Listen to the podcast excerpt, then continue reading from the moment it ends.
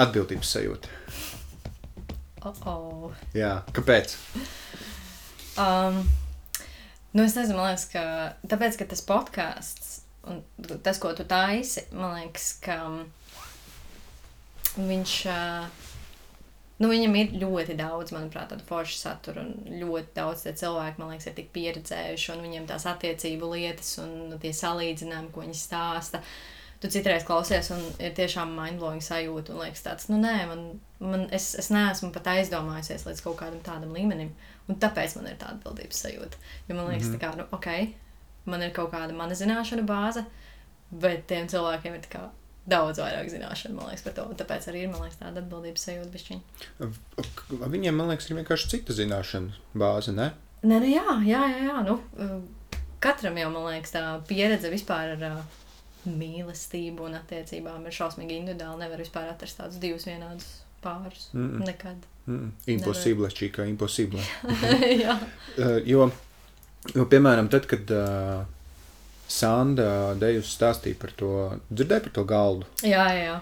Uh, es tagad sāku lēnām saprast, kā no tām visām sarunām izvilkt ārā vēl kaut kādu papildus saturu interesantu, mm -hmm. bet ne pašmērķīgi tā, lai tam tiešām kaut kāda jēgpilnība. Un es mm, pār, sāku klausīties to sarunu vēlreiz.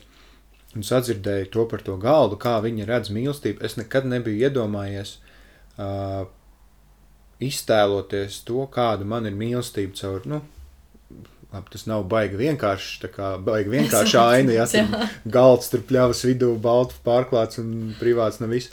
Jā. Uh, vienkārši priekš manis tā nekad nav bijusi tāda tehnika. Mm -hmm. Un viņai tas nāk dabiskā. Un es domāju, ka mums tās uh, tehnikas, kā saprast un, un, un, un sajust mīlestību, katram vienkārši ir uh, savas.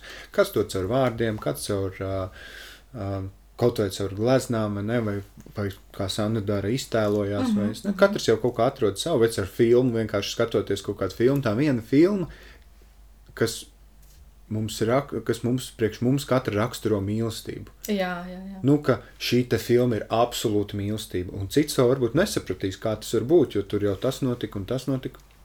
Vai, vai teiksim, notikumi kaut kāda arī.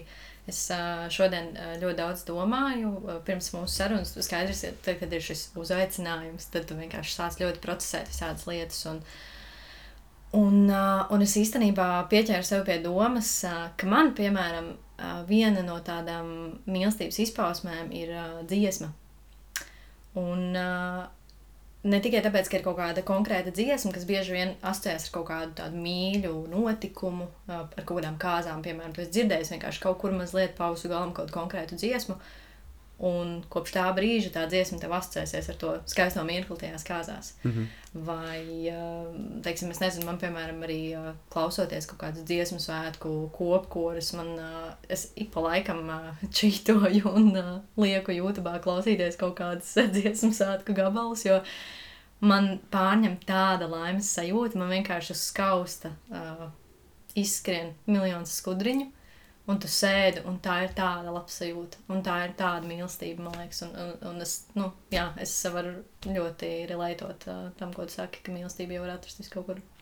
Es atceros, uh, ši, es tev pirms mēs sākām sarunu, es tev teicu, ka ir tās vietas, kuras var izgriezt ārā. Mm -hmm. Šī teorētiski varētu būt tāda vieta, kur, kur man būtu jāsaka, šo es gribu tev izstāstīt, bet šis varētu būt jāgriež ārā. Bet Jā. es ceru, ka tie cilvēki šo te neklausās. Tāda iespēja pastāv. Bet manā pagātnē ir uh, divi cilvēki, kuri savā starpā, viņiem bija kaut kādas nu, intīmākas attiecības, un mm -hmm. viņi savā starpā sarunājās ar, um, ar dziesmām. Ah, viens ar otru viens ar otru. Jā. Nu, tā, ka, nē, nevis tā, ka viņi rakstīja dziesmas viens otram, jā, jā. bet um, viņi sūtīja dziesmas, ah. kur, ir, kur attiecīgi ir kaut kāda sajūta vai kaut kādi vārdi, jā. kas kaut kādā veidā raksturo to viņu uh, tā brīža sajūtu. Mm -hmm. Viņi tā sevi paskaidroja tam otram cilvēkam, neko sīkāk nerakstot. Nu, tur bija, protams, tas, tas bija jaunības dienās, mēs visi bijām jā. jauni. Un tur viņiem savā starpā visu laiku bija kaut kādas drāmas un nesaprašanās, un uh, tad viņi ir kopā, tad viņi beigās nav, tad viņš ar viņu nerunā. Nu, tur viss kaut kas, es tā mhm. baigi sīk neatceros, bet drāma. es atceros, nu, tur bija drāma absolūti. bet es atceros to, kā, kā viņa man stāstīja, kādu dziesmu viņa ir aizsūtījusi viņam, un es vispār nesaprotu, par, nu, ko tas nozīmē.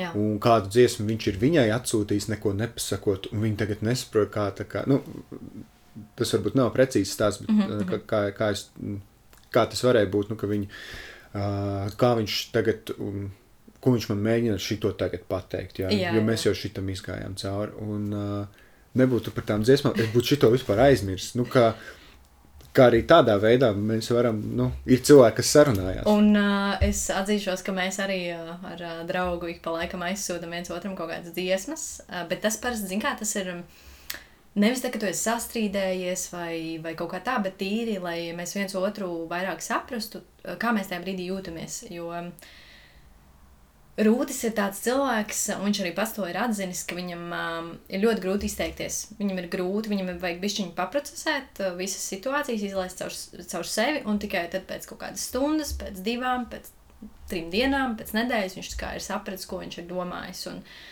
un tad uh, tas, ko mēs uh, esam arī darījuši reizēm, ka mēs atsūtam viens otram uh, kaut kādu dziesmu, lai ieskicētu to, kā tu tajā brīdī jūties. Jo cit- es rīktīgi piekrītu tam, ka citreiz ir A, grūti izteikties, bet tu nezini, kā to varbūt pateikt, ā, nu tā, lai neaizskartu to otru cilvēku vai kā citādāk. Un tas īstenībā ļoti, jā, tas nav slikti. Tā nav slikta vispār lieta, mm. ko darīt. Tu nesi sūtījis ā, savai ā, sievai kaut kādas tādas ā, dziesmas, kas raksturo varbūt kaut kādu tavu tā brīža sajūtu. Uh, nē, šķiet, ka. t- Nē, Mm -hmm. priekš manis laikam, nē, priekš manis laikam šis nekad tā nav īsti. Jā. Es neesmu pat mēģinājis. Laikam dabiski vienkārši nenāk. Es varu uzrakstīt, Oh, Jā. tas jau ir bet, uh, nākamais līmenis. bet es uh, tā. Es neteiktu, ka nākamais vienkārši, vienkārši cits veids. Mm -hmm. Um, viņai, nu, nē, ir kaut kādas dziesmas, kas man viņu tā kā atgādina. Mm -hmm. Um, un par viņu atgādinu. Un es zinu, ka viņai ir tas pats, bet tā, ka mēs sarunātos šādā veidā, lai izteiktu kaut kādas sajūtas, tā gan mēs laikam nē, neesam, neesam darījuši. Bet, teiksim, jāasociējas, tad uh, kā nosūti viņai uh, ziņu. Tad mēs jau nesūti- padalāmies. Jā, jā, Mhm, to mēs mhm. esam darījuši. Es zinu vienu konkrētu dziesmu, kā, ka, kas uh, viņai ar mani asociējās, un man ir, un viņa ļoti labi zina vienu konkrētu, kas man ar viņu asociējās. Un, mm, tādā veidā, Mhm. jā, mīlestība. Nu, par šo te lielo tēmu runājot, tu esi gatava lielajam jautājumam. Lielais jautājums. Lielais jautājums. Zana, Jā. saki, nu, kas priekš tevis un kā tu jūti, kas ir mīlestība? Jā, es, šis ir tāds jautājums, man liekas, uz ko es ļoti daudz esmu meklējusi kaut kādas atbildes. Un, ā, man joprojām nav tāda konkrēta atbilde par to. Man ir tāda puzles gabaliņa, ko es lieku kopā un lēnu garu vienkārši mēģinu uh, vīt tādu savu mīlestības um, stāstu un izpratni par to, kas tad ir tā mīlestība. Un, uh, man vienmēr ir bijusi sajūta, un tas man īstenībā jau diezgan sen ir, ka nu, man mīlestība asociējas tādu kā datorspēle mazliet. Ka tie līmeņi, ja ir tur visādas grūtības pa ceļām, ir kaut kādi bosi, kuriem tev jātiek garām, lai tiktu pie tās princeses. Ja kā Mario, piemēram, viņš vienmēr tika pie tās princeses. Mm. Tev bija rīktīgi jāstraglo citreiz, ja, un ļoti ātri jāspiež tās Playstation pogas vai sagas pogas, bet, bet uh, kaut kādā brīdī Mario pie tās, nu, princeses tika. Un, uh, un man mīlestība arī īstenībā ir tāds, uh, kaut kādā mērā es to varu savilkt līdzībās ar datorspēli, jo ir kaut kāda līmeņa, kur mēs, uh, nu, kā divi cilvēki, teiksim, vai, vai nezinu, attiecībās arī ar ģimeni, piemēram, jūs ejat cauri. Jūs uh, uzkāpjat, teiksim, no pirmā līmeņa uz otrā, no otrā uz trešā, tiekat līdz kaut kādam tur 156, kur vienmēr ir nu, daudz vairāk grūtību un daudz vairāk visādas lietas, kas uh, jums dzīvē nāk klāt. Uh, bet uh, kaut kādā brīdī jau nu, to spēli izēji, vai ne? Un, uh, un jā, jā, man liekas, ka tas ir tas, uh, kā man asociējās, ar ko man asociējas mīlestība. Un um, nu, man mīlestība laikam tādā sajūtu izpratnē ir arī, nu, kā lai pasaka, um, jā, ir ļoti grūti ietvert vārdos. Es tagad saprotu mm -hmm. tos cilvēkus, kas uh, kā, ilgi straglo, lai pateiktu, kas ir mīlestība. Um, bet uh, nu, manā gadījumā es esmu savākusi ļoti daudz visādus um, cilvēku teikto uh, par mīlestību, kas tas varētu būt. kas viņiem tā ir, es esmu centusies izveidot kaut kādu savu teoriju par to, kas tas ir. Man mīlestība tā ir tāda um, sajūta, tā ir darbība, jo mīlestība, man liekas, nevar būt nu, tikai sajūta līmenī. Tā ir arī kaut kāda darbība, kaut kādas lietas, ko jūs viens ar otru darat, kā jūs viens otram kaut ko darat. Un, Un tas, ko es esmu sapratusi, ir, ka man uh, ir ļoti svarīgi tādas mazas lietas, kas varbūt citiem nav tik nozīmīgas. Man, piemēram, uh, mīlestība ir tad, kad uh, mans draugs parūpējās par kaut kādām ikdienas lietām, lai man būtu vieglāka ikdiena. Es nezinu, viņš tur aizved man mēteli uz ķīmisko tīrītavu vai parūpējas par riepu maiņu, un es vienkārši varu veltīt to laiku sev. Tās ir tādas it kā ikdienišķas, un citiem varbūt ļoti nenozīmīgas lietas, bet man kā cilvēkam kas runā šobrīd par mīlestību, tās ir tādas lietas, kas uh, parāda to, ka tas otrs cilvēks, kas viņam rūp, un ka tā ir tā, tāda apusēja mīlestība. Un uh, mums ar Ulu, man liekas, uh, ir tāda izteikta. Nu jā, tāda izteikta sajūta par to, ka ir forši vienam otram kaut kādā veidā, šādā veidā palīdzēt, ka mēs kā noņemam viens otra kaut kādus smagumus nost, un citreiz tā, ka tur uh, Rūdas vairāk palīdz man, tad ir citreiz tā, ka es palīdzu viņam vairāk, un, un tā ir tā mīlestība, man liekas, kas ir, kas ir, kas ir man. Mm, Ziedonim ir tāda brīnišķīga epifānija pa diviem kamoliem, kas pārvījās viens no otra. Man liekas, ka tas, tas kā viņš to aprakstīja, mm -hmm. brīnišķīgi noraksturo šo, ka, ka, kad kādam ir grūtāk, tad tas otrs kā palīdz un no sava kamoliņa kā pārvījās otrā, un tad, kad atkal uh, viņam ir grūti, vai viņai tad atkal tā pārvīšanās notiek. Un galvenais, protams, ir neiztīties pavisam. Jā, bet uh, nu, tas jau nu jā, tas ir baigi, man liekas, grūti atrast tā, tādu. Um, Ziniet, kā es esmu tāds ļoti altruistisks cilvēks. Un bieži vien tas ir baigi, baigi sūdīgi. Jo es bieži vien. Nu, cenšos rīktīgi atdot sevi tam otram cilvēkam, neapzinoties, ka es ļoti, ļoti par daudz atņemu sev pašai kaut kādas lietas. Un, un tas ir īstenībā nu, par kaut kādām. Nu jā, par kaut kādām ikdienas lietām, un, un, un arī par tādām lielākām lietām, ka tu, teiksim, tur varbūt noklusē, varbūt kādā brīdī kaut ko vairāk, lai kā to otru neaizskartu, un tu centies dot tās labās, pozitīvās emocijas, sev atstāja tās sliktās, tās kodas, sēs, tās, tās nu, dzī, dzītiņas, ja? mm. un, uh, un tas ir, man liekas, baigi grūti atrast. Man, man noteikti ir šausmīgi grūti atrast tādu pareizo balansu. Nu, tur ir jau laikam tas atslēgas vārds ir tajā visā balansā.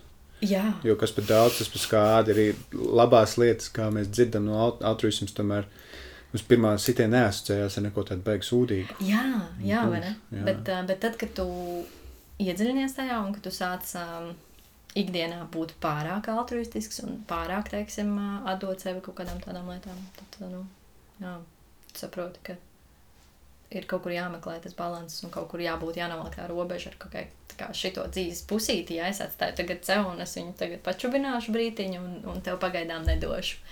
Un, un tas ir arī ok. Tā kā Tas ir pilnīgi, pilnīgi fini. Nu, tur jau, man liekas, ienāk iekšā arī tā otra lielā tēma uh, par attiecībām, sevis mīlestību. Mm -hmm. nu, ka tu nevari, nu, ka tev ir jāmīl sevi. Un tik līdz tu, tik līdz tu esi sevi uh, gan nemīlējis, tā tas arī sāk atspēlēties uz pārējām attiecībām. Mm -hmm. Tā ir. Um, par sevis mīlestību, man liekas, arī ir tāds. Um, tā ir tāda baigā lieta arī, ko es joprojām apgūstu, joprojām mācos. Un, uh, man liekas, ka es tādu sevis mīlestību atklāju kaut kad, uh, nu, pēc tam, tad, kad man beidzās tāds pirmais, pirmās lielās attiecības, un, kas, kas nebija mans lēmums līdz ar to. Man vajadzēja ļoti, ļoti sevi savākt, jo pašā tajā pirmajā posmā, tad, kad jūs izšķiraties, mm. tad nu, skaidrs, ka tu kā cilvēks nu, īpaši, ja tu neesi bijis tas, kas inicijējis šīs, šo attiecību veikšanu, tad uh, tu šausmīgi sevi vaino un ir šausmīgi grūti sevi kā, mīlēt tajā brīdī. Es nezinu, vai es, vai es tā pareizi izsakos, un vai tu, es ceru, ka tu saproti, ko es domāju. Mm -hmm.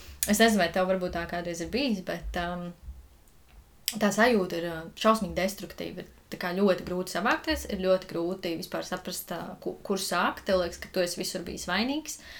Uh, un, un tad tā kā sāc lēnu garu pa gabaliņiem to saplēsto šķīvīti, vākt kopā, bišķi līmēt kaut ko, saprast, ka ok, šis gabaliņš man nepatīk, tu viņu tā kā, nu, aizstum tālāk prom un meklē kaut kādu citu gabaliņu, kas varētu iederēties tajā vietā. Un, uh, un jā, un man liekas, ka uh, es uh, to sevis mīlestību sāku mācīties tādā the hard way, jo tajās attiecībās, uh, kuras mums bija, nu, gandrīz, nu jā, gandrīz trīs gadus, tās bija manas tādas pirmās nopietnās attiecības, manuprāt, pirmā reize, kad es tā apzināti varēju arī pateikt, kādam, ka es tevi mīlu, jo es līdz tam nebiju vispār nekad sapratusi, ko tas nozīmē, un, un man nekad arī nebija vēlme kaut ko tādu pateikt. Un, un līdz ar to, jā, tā kā mm, es visu centos sevi atdot tām attiecībām, un es tā kā. Un tas arī ir tas, ko man īstenībā tā laika draugs minēja, ka man vajag iemācīties sev mīlēt, jo viņš jūta, ka es, ka es nu, nemīlu sevi tā, kā man vajadzētu sev mīlēt.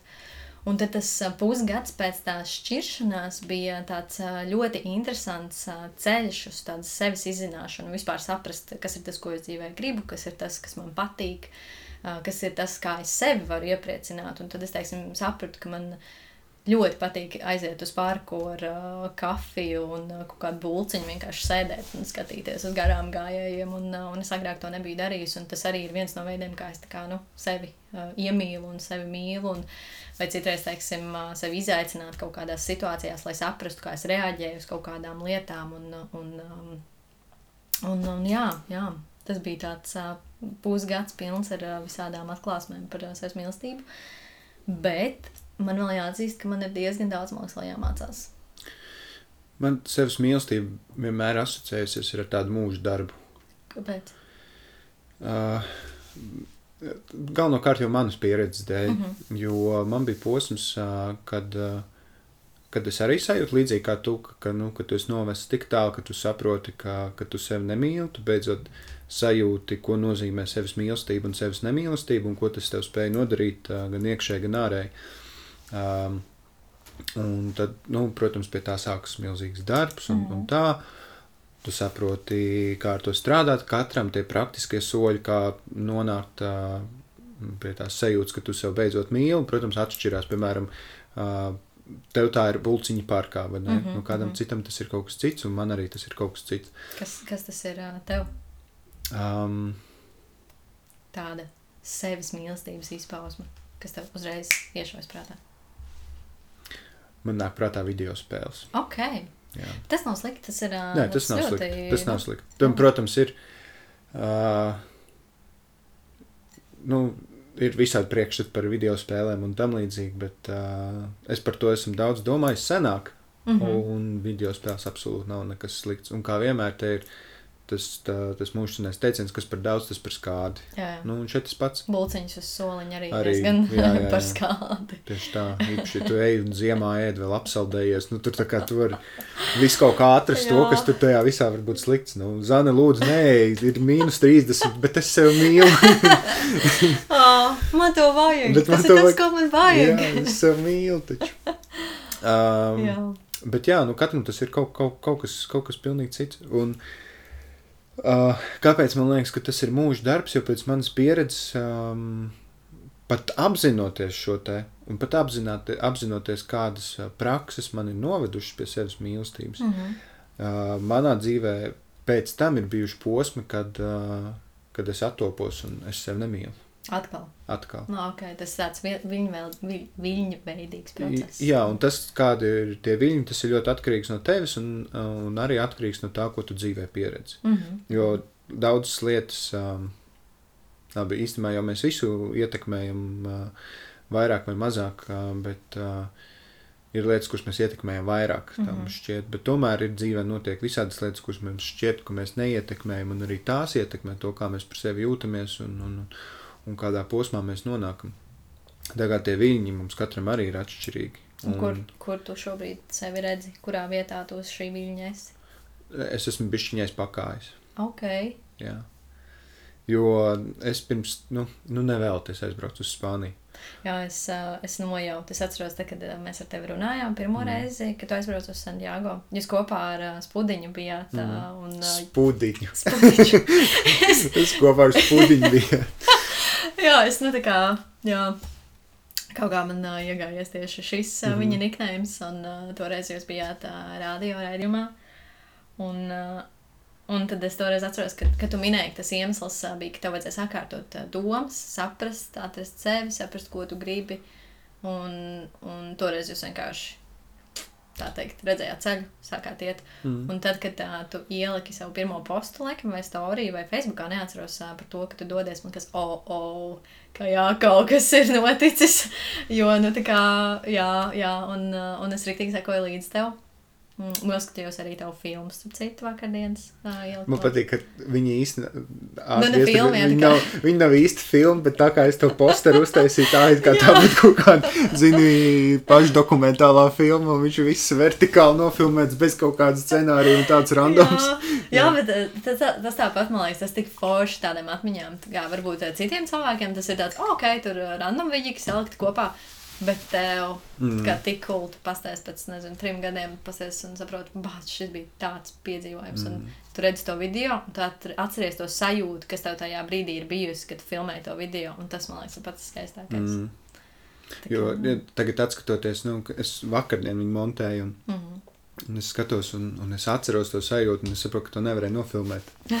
Bija daudz tādas lietas, kuras vienkārši nevari, nevari ne nofočēt, ne nofilmēt. Jā, Un jā. tos nu, sajūtas nevar bieži vien noķert. tā Un skaidrs, jā, priekš manis tas kaut ko ļoti daudz nozīmē, un arī Mhm. priekš visiem tiem, kas tur bija blakus. Kas uh, visi man pēc tam čatā rakstīja, visi raud un, un, un, Jā. un. Bet uh, tad sanāk tas iemesls, kāpēc tu devies uz Santiago, bija, lai atrastu atkal sajustu tādu sevis mīlestību? Vai vienkārši sakārtot atkal domas? Vai... Jā, nu zini, kā tas, tas viss, uh, tam ir viena liela, viens liels virsraksts tam Mhm. visam, bet uh, skaidrs, ka arī šie te, šīs te mazās, salīdzinoši mazās tēmas nāk līdz kā sakārtot sevi, sakārtot domas, sakārtot šo te jautājumu par sevis mīlestību. Mhm. vai atkal apzināties to, kā ar to ir jāstrādā šajā gadījumā. Nu, manā gadījumā tas bija tā kā. Mm, es ceļā nemācījos sevi mīlēt, uh, es mācījos un centos saprast citas lietas, bet uh, šo es pieķēru pie domas, ka, ah, šito es vairāk nedaru. Mm. Tā kā sliktas lietas nedara vai labas lietas nedara? Um, Vai abas? Uh, nu, gan jau kāpes. Bet Jā. vienkārši, ka, nu, ka tā sevis mīlestība ir pazudusi. Ok, ok, saprotu. Un tas tā kā bija tāds, ah, Bet ir forši, ka tu apzinājies to. Jo tas jau ir tas pirmais solis, ka tu saproti, ka ok, šis nav labi. Nu, nu, jā, nu, zini, kā, ok. tā, tā lielā nu, problēma, bet vienkārši tas ir, uh, lietas ir tādas, kādas viņas ir. Mēs uh, dienas, kā jau teicu, pirms sarunas dienas beigās, un dienas sākumā un dienas vidū mēs esam cilvēki. Mm -hmm. Un pat tad, kad tu kaut ko zini, uh, cilvēkam ir niķis aizmirst lietas. Un mums visu laiku vajag kaut kādas atgādinājumus šajā. Un kad tev liekas, ka tu jau esi sasniedzis to, ka tu sevi mīli un viss ir kārtībā, mm, pat pilnīgi nemanot, tu atopies atkal vietā, kur ir fakts, es sev nemīlu vairāk. Nu kā, nu kā tā var? Es biju jau šito atrisinājis. Un es tik ļoti centos to atrisināt, tad, kad bija tas posms, kad šīs lietas bija jārisina. Bet nē, Un atkal, atkal ir šī situācija, nu kā tas tā var būt. Bet vienkārši tu esi cilvēks. Un, uh, lai ko mēs darām, pat, uh, pat lielākie profesionāļi kaut kādā ziņā, nevis kaut kādā ziņā, bet kaut, kādā, kaut kādā brīdī nokļūdās. Un, bet, nu, atkal ar to sāk strādāt. Tāpēc tas ir mūža darbs. Nu, vispār jau liela daļa mīlestība arī ir mūža darbs. Jā, jā. Un, un mēs kļūdāmies tajā. Ik pa laikam, pat tad, kad mēs zinām, ka mēs zinām, mēs tomēr atrodam veidu, kā kļūdīties. Nokļūdīties, jā. un tad mums atkal ir tāds, atkal ar šo te ir jāstrādā. Un Jā. tu strādā un mācies, kamēr tu to iemācies. Un kamēr to ar to arī, nezinu, ar to savām jaunajām zināšanām vai atkal apgūtajām zināšanām var arī nodzīvot 30 gadus vairāk nepieļaujot. tāds- Jā, es īstenībā nezinu, pat vai tu vari 30 gadus nepieļaut. No Nu, tur jau tā lieta. Mū- Mūsu mūžs ir tik ilgs, un uh, pateicoties mūsu laikmetam, mūsu mū- mūžs ar vien paildzinās, Mhm. uh, kas nozīmē, ka nu, lielāka iespēja kļūdīties. Jo mēs esam cilvēki joprojām. Mums ir kaut viss būtu tik vienkārši, ka tad, kad mēs kaut ko iemācāmies, mēs to tā kā viss tas ir akmenī kalts. Tad nebūtu interesanti. Vairāk. Gan jau, nu tam, protams, tam, tam, tam ir savi, savas, uh, savi iemesli mm -hmm. noteikti. Un ir kaut kādas lietas, kas mūsos ir fundamentāls un kurus mēs nevaram aizmirst un nevaram vienkārši izmest. Nu, kas padara par, mūs par to, kas mēs esam. Uh, bet, uh, un dažiem, piemēram, varbūt sevis mīlestība ir fundaments viņiem. Mm, Viņi mm. to nevar no sevis izskrāpēt ārā. Viņiem tas vienkārši nāk dabiski, un viņiem un tas, tas būs. Tā ir, un tas tā būs līdz mūža beigām. Būs tajā vilnī augšā visu laiku. Jā, tieši tā. Būs tie dropi. Tieši tā. Kamēr uh, citās jomās varbūt viņiem tie dropi būs. Mm -hmm. Bet uh, dabūt sevi tādu fundamentu, man liekas, ka tas jau tev dzīvē paceļ uh, ļoti augstu. Jā, jā, nu es. Uh, nu, arī, tā jau izriet viss. Tie, tieši tā, jā, un arī, arī teiksim, uh, iepanot tādu mīlestību un to, ka tas arī ir tāds uh, mūža darbs.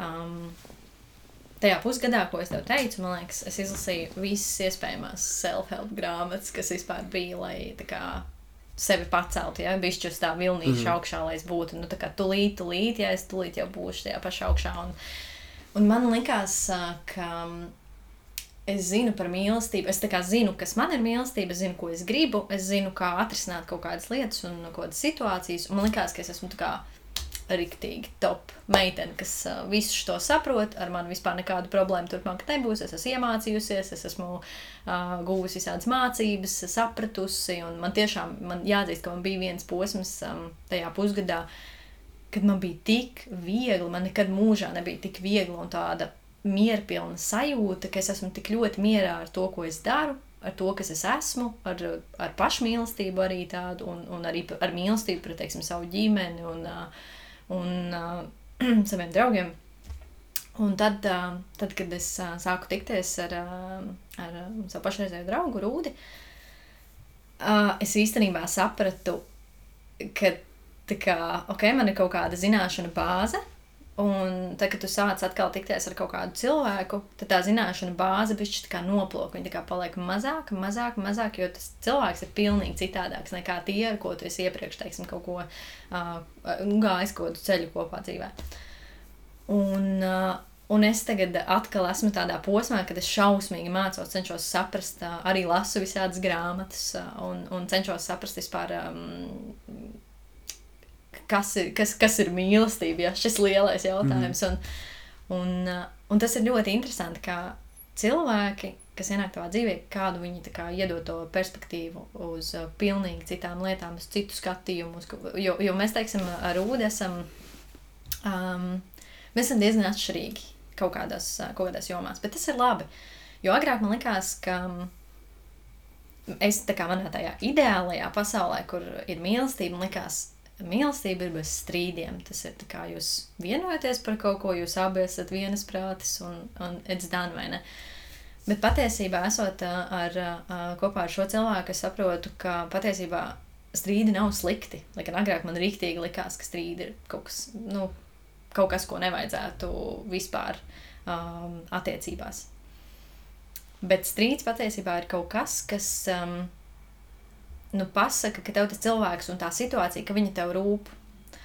Un viens, protams, ir, ka jūs mākat izrunāt to visu tā ļoti flowly un kā vienoties par kaut ko un uh, piekrist, bet man liekas, ka ir diezgan vērtīgi un veselīgi arī pastrīdēties. Un tajā, uh, tajā pusgadā, kad man tā mīlestība bija tādā riktīgā zenītā, ka man liekas, ka es rīktīgi visu zinu, tad um, tagad man atkal ir tā, ka es tā kā eju atkal uz to zenītu. Es cenšos vairāk saprast, vairāk um, izprast, varbūt um, kā saberzēties ar to otru cilvēku, jo skaidrs, ka tam cilvēkam arī ir kaut kādas, nu, citas sajūtas un citu uzskatu, un, un tas, uh, tas ir, jā, tas ir tāds uh, mūža process. Mm -hmm. Man liekas, ka nav tāda deadline, kā tu varētu paskatīties pulkstenī un Jā, pēc pieciem gadiem jūs abi jau būsiet rīktīgi izkoduši viens otru, rīktīgi sapratīsiet viens otru. Nebūs vispār neviens strīdi, jūs tā kā būsiet perfektā pasaulē. Nē, tas tā nestrādā. Tā, tas tā nav. Tas man liekas, galvenokārt nestrādā, tāpēc, ka jūs nemitīgi mainaties kā jā, cilvēki. Jā, tieši tā. Tieši tā. Savam. Un tad jums, principā, tā. Mm, Nu, tā sazobes atkal veidošana notiek visu laiku pa jaunam. Mm -hmm. Nu, tā kā varbūt ne tur gluži, ka tur tam sazob, tās sazobas ir pilnīgi svaigas, viņas tagad jāsaliek kopā, bet viņas tur visu laiku jāslīpē. Ir. Jo mēs jau mainamies kā cilvēki arī. Nu, varbūt, uh, varbūt tu nebūtu kopā ar Rūdi tādu, kādu viņš bija pirms desmit gadiem. Jā, Galvenokārt, varbūt gadu dēļ. bet, bet, uh, bet, Well. bet, uh, bet jā, nu, cilvēki mainās. tā ir. Tā ir. Bet tomēr nemainās tas viņa kodols. Nu, ir kaut kādas tās tiešām, kā jau iepriekš teicu, fundamentālās lietas, mm. -hmm. kuras tu nevari izdabūt, nekad neizdabūsi no cilvēka ārā. Un viņš nekad viņas nevarēs pieslīpēt, jo tas ir tāds, kāds viņš ir. Un tad tur nāk klāt kaut kādas citas lietas, kuras mēs esam vairāk vai mazāk gatavi pieslīpēt otru dēļ. Bet, Ka, kas ir tavā kodolā, ko tu nevarētu izmainīt nekad? um, es esmu mākslinieks. Uh -huh. Es nevaru to izmainīt. Ok. Un nav. Un, uh, un kaut kāda daļa manis gribētu, lai, lai tā nebūtu. Lai tu nebūtu mākslinieks, vai tu ne... oh, ok. Lai būtu, jo tas nav vispār viegls ceļš. Mm -hmm. Uh, bet tā pat laikā tas ir iedots. Tev ir jābūt pateicīgam par to, ka tas ir iedots. Un uh, jāsaprot, kā tas ir jāliek lietā un kas tev ir jāizdara. Bet nu nav, ar to vispār nav viegli. Un tas ir tāds, nu, liekas, nu, kosmos, bet tas jau forši ir. Ir jau forši. Jā, tas ir tas, ir tas kas Jā. man uzreiz iešaujas prātā. Tāds, oh, bet rīktīgi cool, jā. Ir jau forši, bet nu, tam nāk klāt savi izaicinājumi. Mm. Un tie nav tie vieglākie. Tā kā nu, tas ir sarežģīti. Tas ir sarežģīti. Nu, tas ir arī vienlīdz vienkārši. Vienkārši tas, kā mēs uz to, kā mēs tam visam pieejam. Jā, jā, jā. Bet, nu, priekš, priekš manis es jūtu, nu, tas nav vispār vieglākais ceļš. jā. Kāpēc viņš ir tāds piešķirts vai kāpēc viņš tāds ir izvēlēts, manis pašs, es nezinu. Bet, nu, tas ir Bet tas ir fundaments. kaut kas, kas ir tevis paša izvēle. Nezinu. Ok. Nezinu. Nu, es nezinu. es zinu, bet es uh, gan jau pie ieslēgta mikrofona Ah, neteikšu. ok, ok. Jā. Uh, bet, um, nu jā, un mums katram kaut kas tāds ir. Mm -hmm. Un ir lietas, kuras tu ne, nu, pat nedrīkst mainīt, jo tiklīdz tu sāc to, to, to savu kodolu pieslīpēt citu dēļ, tu sāc jau sev pazaudēt. Un, un tad, kad tu sev, un ja tu sāc sev pazaudēt, tu, tu sev nemīli. Un ja tu sev nemīli un es sev pazaudējis, tad uh, kurš tev mīlēs? Šī ir īstenībā viena no tēmām, par ko mēs uh, esam runājuši arī ar, um, ar Rūdi. Un uh, mēs abi esam uh, uh, izteikuši, ka mums ir bail pazaudēt sevi attiecībās. Tā ir viena no lietām, par ko mēs esam runājuši diezgan, diezgan daudz.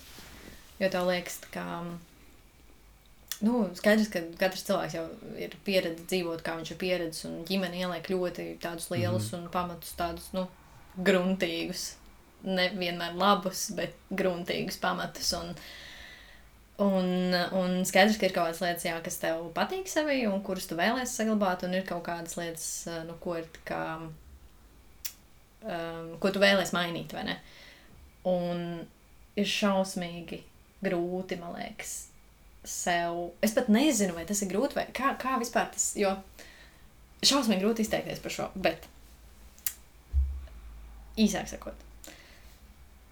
Man liekas, ka tā pieslīpēšanās ir nu, ļoti svarīga attiecībās. Nu, ka jūs tā kā nākat uz tādiem kompromisiem viens uz otru.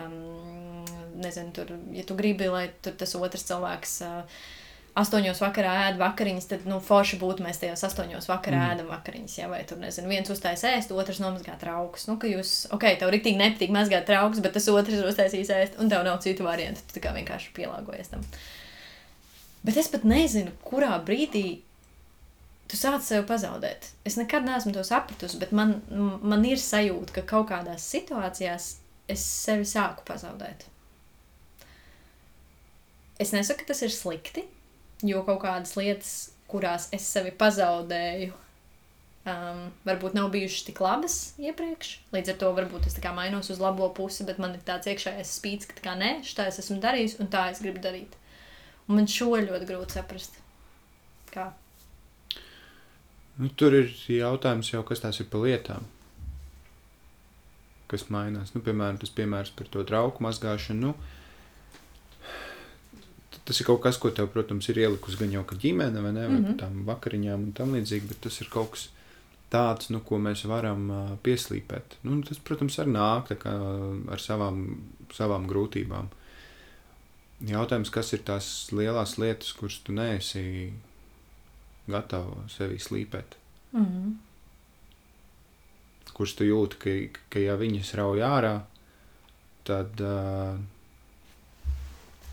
Tad vairs nav labi. Tad vairs nav. Un, tā, un tas, kā tu to izrādi, jau sāk palikt tā, ka tev nepatīk tas pat, kā tu to izrādi. Jo, nu, jā, jā, jā. Jo tas ir tas, nu, ka tev. Mm, ka tev. Uh, es nezinu, kaut kādu tādu rītīgi drā, drastisku un sāpīgu piemēru. Un ka tā veida tai būtībai tur ierodas pie galvas. Mm -hmm, mm un, un, un saka, vai nu tu mainies, vai ej prom, izvēlēs, bet tad tu attiecīgi kaut ko upurēsi tūlīt. Jā, jā, jā. Nu, tad tā patiesības prākst ārā, gribot, negribot.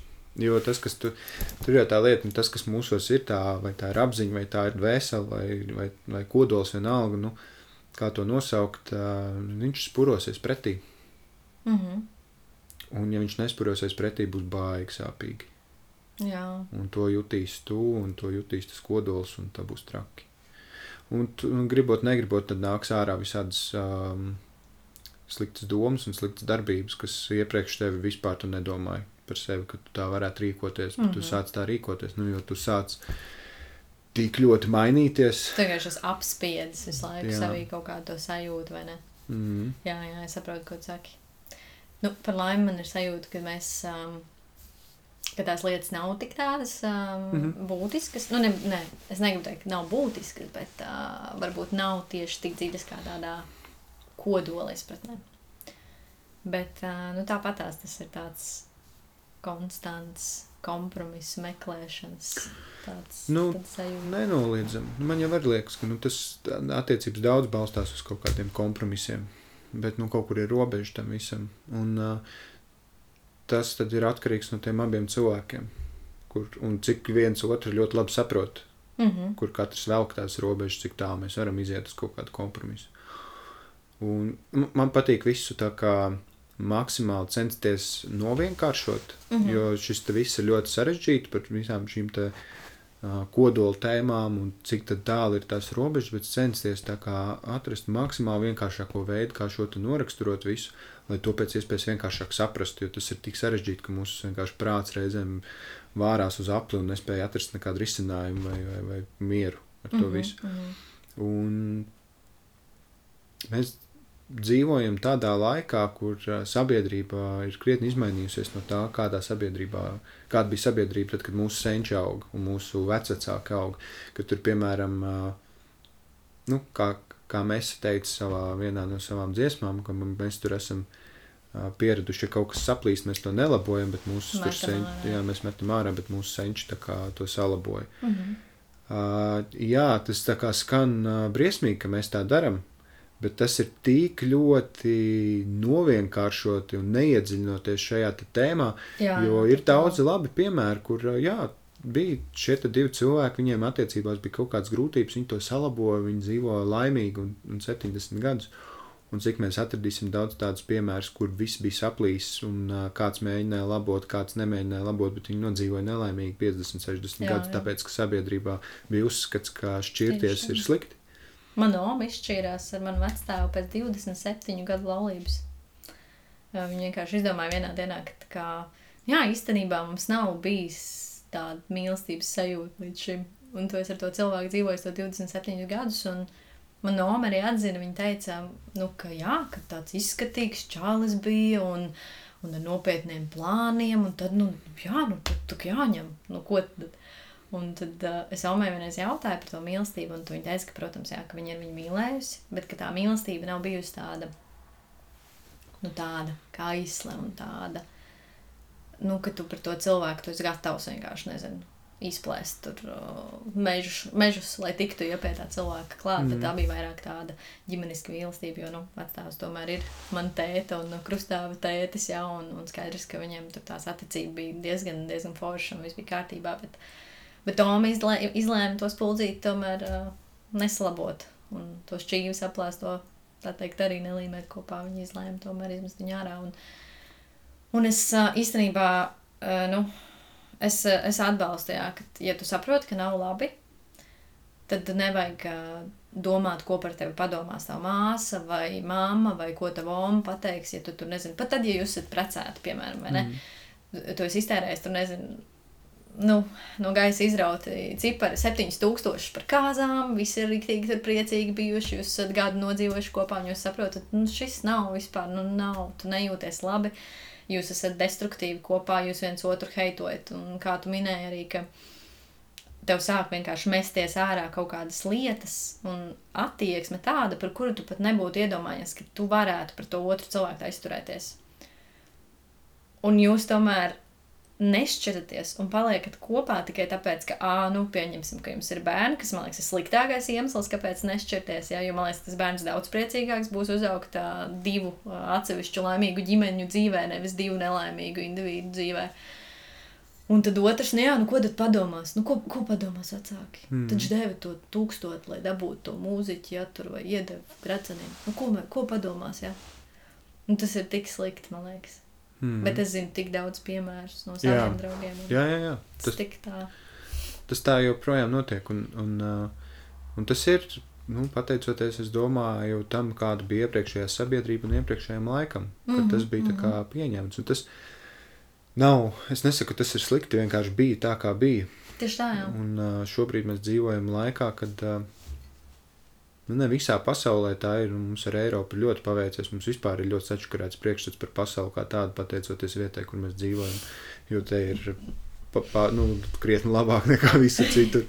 Un, uh, bet uh, nu, man liekas, ka šī, šīs mūsu paudzes, uh, tur plus mīnus, nezinu cik gadi, bet nu, uh, kaut kādi ir pirmās paudzes, kur mēs varam sākt skatīties kā uz reālu piemēru, kā attiecības strādā. Nu, joprojām ir sliktiem piemēriem. Bet, uh, bet procentuāli mazāk. Bet nu, procentuāli mazāk, jā. jā. Mm -hmm. Jo nu, tas ļoti, ļoti vienkāršojot, neliekās loģiski, piemēram, nu, tā vecākā gadījumā mm -hmm. dzīvot tik ilgu to dzīvi. Nu, no mūsu skatu punkta viņiem tas likās pilnīgi ok, līdz viņi ar mūsu jaunajām ienestējām vēsmām par to, kā dzīve var Precīzi. būt. Viņiem mm -hmm. ir mhm. tāds paga var taču savādāk izrādās. Mm, mm. Un, uh, un, protams, ir kaut kāda taisnība tajā par to salabošanu. Tur neizbēgami ir kaut kāda taisnība tajā visā, jo ir lietas, kuras tiešām vajag salabot. Mm -hmm. Bet ir lietas, kuras, nu, acīm redzot, ja jūt, ka nav, tad varbūt arī, ka nevajag. Nu, tieši tik vienkārši. Mm -hmm. Jo dzīvot, mums, tie, kā es teicu, mums, pateicoties visai zinātnē visam, mēs, paliek, mēs spējam nodzīvot ar vien ilgāk un ilgāk. Uh, Um, bet tomēr tas ir kaut kāds salīdzinoši īss laika periods. Un cik, uz visu fonu uz, uz visu fonu, un, un cik arī no tā visa laika perioda ir kvalitatīvs periods, ne, jo kaut kādā brīdī jau tā dzīve paliek krietni sarežģītāka. Mm -hmm. Un nav runa par pieaugušo dzīvi, runa par vec, vecumdienām. Un kāda vēlme pēc mums būtu jādzīvo nelaimīgi kaut kādu laiku. Nu, jā, jā. Tas ne, vienkārši neiet kopā. Mhm. Skaidrs, ka tas notiek, skaidrs, kāda ir iemesli, jo mēs paši, tā ir tā sevis nemīlestība reizēm. Jā. Ka mēs jā. ļaujam tam visam notikt, jo ko tad mēs, vai kā tad mēs tagad, ko citi padomās, tie iemesli jau tur ir kaudzēm. Jā, jā, jā. Tās, at, nu, ne atrunas, bet var saprast. Es domāju, uh, kaut nu, par visām lietām, šķiet, uh, runājot par visām tēmām un arī par attiecībām kur es nezinu, kāds ir attiecībās, kur ir vardarbība, piemēram, mm -hmm. vai nu, ļoti drastisks tāds piemērs, bet tomēr, mm, protams, liekas tā pirmā doma, nu, taču ej prom. Kaut tas, kaut tas būtu tiešām tik vienkārši. Ka varētu aiziet. Ka varētu aiziet. Mm. Tur ir noteikti daudz un daudz visādi iemesli, kurus tev ir jāpaprasa, kāpēc tu negāji prom. Tad, kad, nu, tad, tu, tad, kad tu prasīsi kādam, kas ir attiecībās, kāpēc tu neej prom, tas cilvēks tev visādas atrunas metīs. Uh, tos īstos iemeslus tu varbūt uzzinās pēc tam. Jā. Un tad tu sāc saprast, nu, cik sarežģīti reizēm tomēr ir ar šīm lietām tikt galā. Jo mēs esam kādi mēs esam, un varbūt vēl neesam gan stipri, lai, piemēram, ar tādām lietām dzīvotu. Bet tad atkal nu, tā pieredze jau ir atnākusi, nu kaut kā ar viņu ir jātiek galā agri vai vēl. Nu, ir jau tā sajūta, ka mainīsies kaut kas, zin kā, īpaši, man liekas, es nezinu, tāds um, Ja sit, tad mīli. Ja. O, šis ir Klasiskais PSRS. Jā, šis ir brīnišķīgs teiciens, no kur, kuram uh, mums bija viena saruna iepriekšējā mm, reizu, kur, uh, kur es uzdevu šo jautājumu, kā, kā viņš šķiet, ko tas nozīmē. Jā. Šim vajadzētu atrast, tā kā, nu, tas vispār neliekas loģiski, tāpēc šim vajadzētu atrast kaut kādu, uh, kā to latviešu Pamatojumu. pamatojumu, jā. pirmsākumu. Jā, pirmsākumu, jā, kurienes jā, tas jā. nāk? Jā, man liekas, ka tas jā, tā, tā PSRS, ā, PSRS kultūra vienkārši. Ok, bet, Ka tā kā bet sievietēm jābūt ir virtuvē un jādara visas lietas, un ja viņas kaut ko citu grib darīt, tad ir tā kā... jā, tas, ne, tas ir ok. Tas, uh, Es to- nezinu, man nav ne jausmas. To, to, to, to, var tā kā, vajag. to es tā kā saprotu, nu, tos vecos pieņēmumus, tur sievietē jābūt šitādai Mhm, un šitādai. Mm, bet, ja sit, tad mīl, no kurienes šis, nu, kur ir, tam, kur ir tas pamatojums, jo tas izklausās pēc tādas atrunas. Es tev iesitu, tāpēc, ka es gribēju, lai tu esi virtuvē, tāpēc, ka tā ir labāk mūsu ģimenei un, Un un, un, un tev pašai labāk. Jā, Nu, tā izklausās pēc tādas atrunas, kas tā kā ir pārtupusi vienkārši tādā ļoti īsā teicienā. jā, jā, jā. Varbūt, varbūt, jā. Un galvenais, ka lielākoties jau šo te teicienu pieminot, mēs runājam par uh, vīriešu attieksmi pret sievieti un mazāk par sievietes attieksmi pret vīrieti. Jā, lai gan es esmu redzējis vairākus piemērus, kur ir otrādi. Mm. Bet, nu, tas, ā, paldies Dievam, es tā domāju, ka tas, um, nu, nekad nav bijis super ilgi. Nu, ka tas kaut kādā brīdī arī beidzas. Vismaz uh, to cilvēku vidū, ko es zinu, kam tā ir bijis, Mm. tas, kā, nu, tas neilgs vairāk par kaut kādu gadu, diviem. Kā diezgan ātri ir, liekas, tā izpratne par to, ka šis nav ok, īpaši ar tādu mūsdienīgu domāšanu un, uh, nu, cerams, un tādu sapratni par to, ka var taču būt arī labāk. Gan tam puisim, gan tai meitenei. Klau, sarežģīts jautājums. Uh, Aiziet. Tātad, iedomājies, ir, uh, ir cilvēks, nu, kas gan jau ir reāls piemērs visā šajā pasaulē, ir cilvēks, uh, kurš uh, nu, tur ir kaut kādā veidā vardarbīgs attiecībās. Nu, Mhm. Pieņemsim, vieglāks piemērs būs emocionāli vardarbīgs attiecībās. Okay. Uh, ja mēs skatāmies uz tādu utopisku sabiedrību, vai mums šo cilvēku vajadzētu norobežot no sabiedrības? Jo tas, kā, kāpēc viņš tāds ir, Mm -hmm. tam ir kaut kādi iemesli, un um, vecam sunim jauns triks neiemācīs. Ko darīt?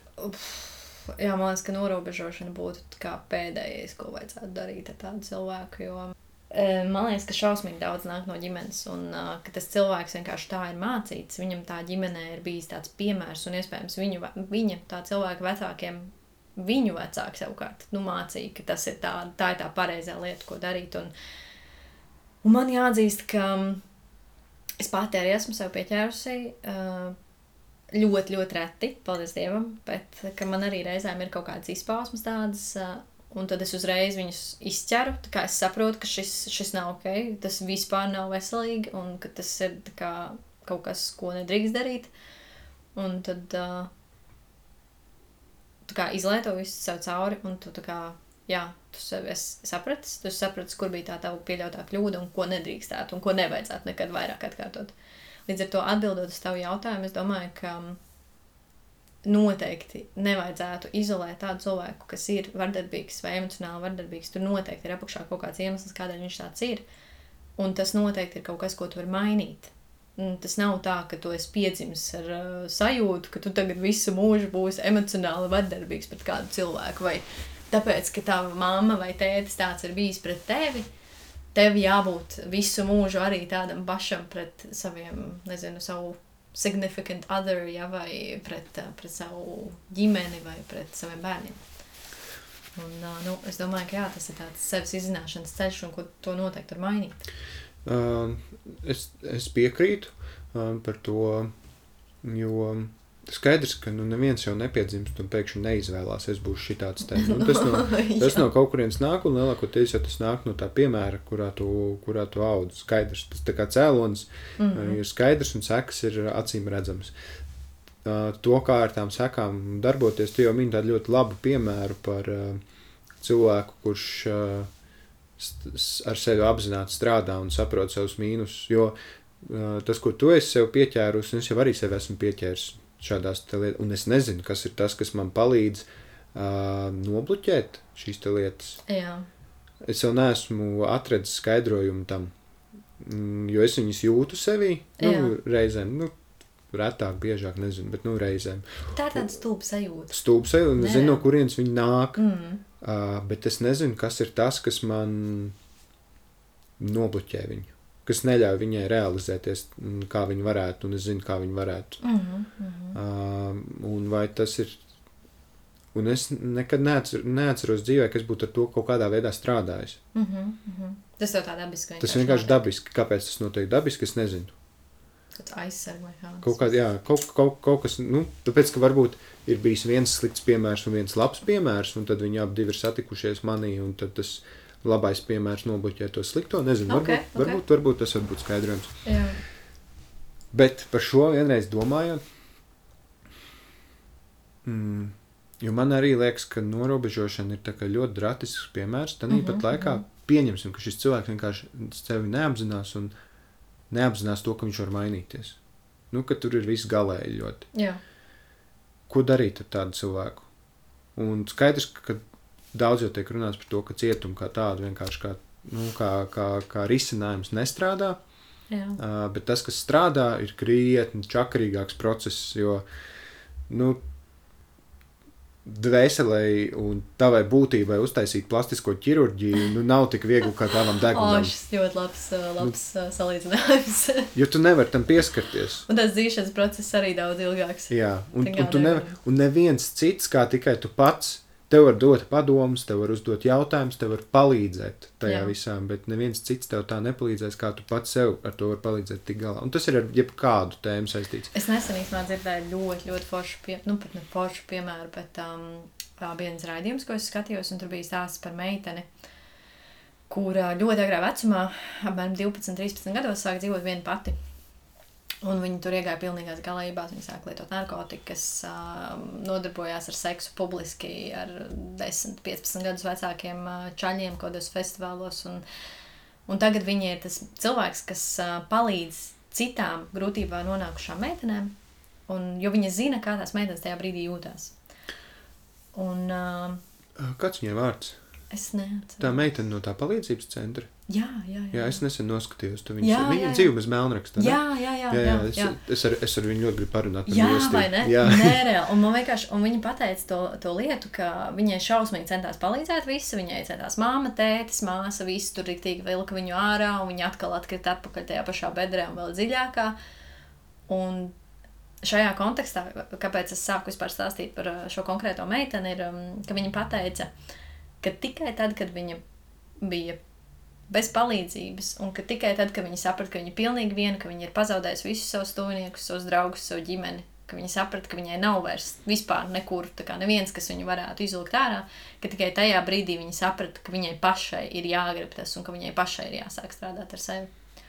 Un, lai cik ļoti cilvēku, kurš ir nezinu, emocionāli, emocionāli nodarbojas ar emocionālo teroru vai um, bossingu, mobbingu, visus šos jaunvārdus, ja, vai, mm. vai tādu fizisku vardarbību, lai cik ļoti tu censtos pateikt, ka, hei, šis ir jāizved, šis nav pareizi, es tev palīdzēšu, let's do it together. Ja? Tas tāpat kā ar smēķēšanu un alkoholismu. Viņam tam cilvēkam pašam ir jāgrib to darīt, viņam pašam ir jāgrib nu, mainīties. Un mm.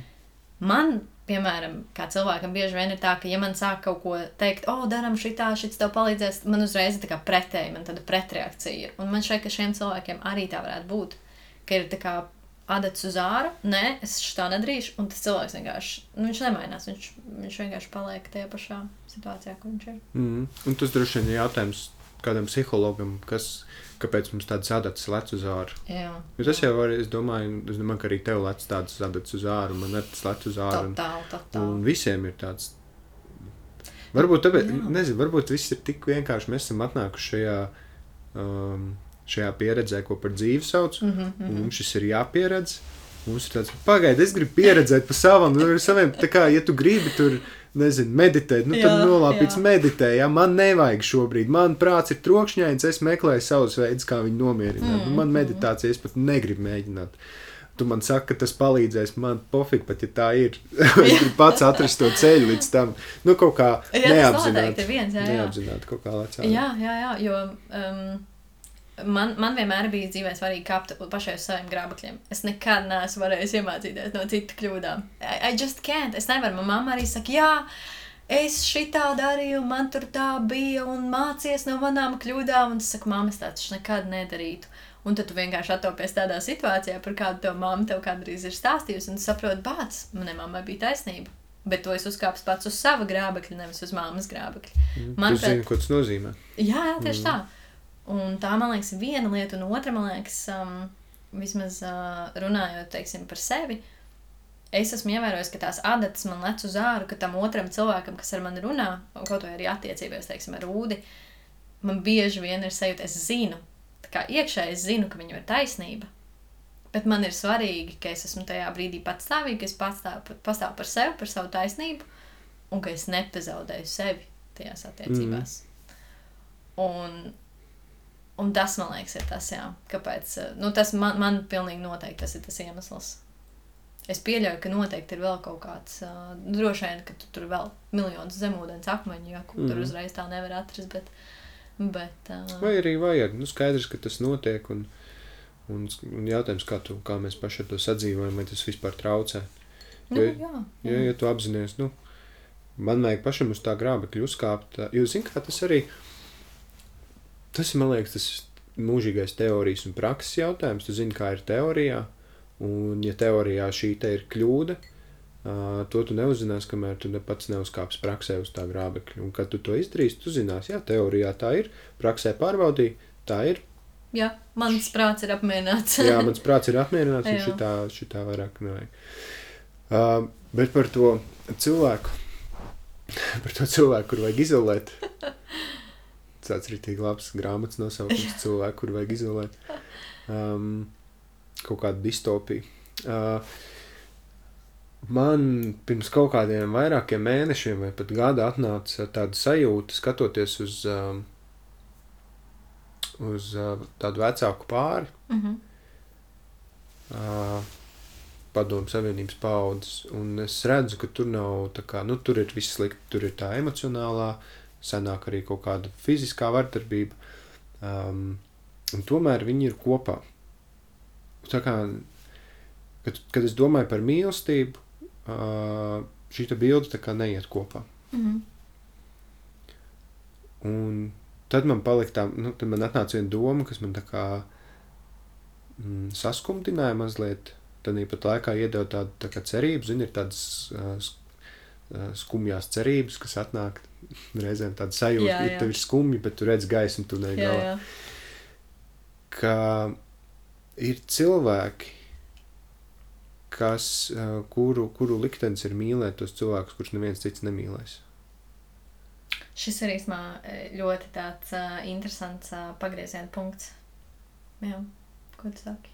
Un tas sāp ritīgi. Jā. Ja tu redz, ka tas cilvēks, kuram ir šis te uzdevums, nu, cik ļoti tas nodara pāri viņam. Un, uh, bet mīlestībai nav. Šis, šis ir tas stāsts par mīlestības, to brīnišķīgo gaišo pusi un to viņas uh, grūto pusi. Jā, Un viņai, viņai mīlestība kā tāda jau nejūt. Viņa, ne, viņa, viņa, nav, jā, viņa nejūt to empātiju pret to. Mīlestībai nav empātijas. Mīlestība vienkārši ir. Viņa dara to uzdevumu, kas viņai ir jādara. Un ar visiem iespējamiem paņēmieniem, lai to sasniegtu. Un šis ir viens no tiem.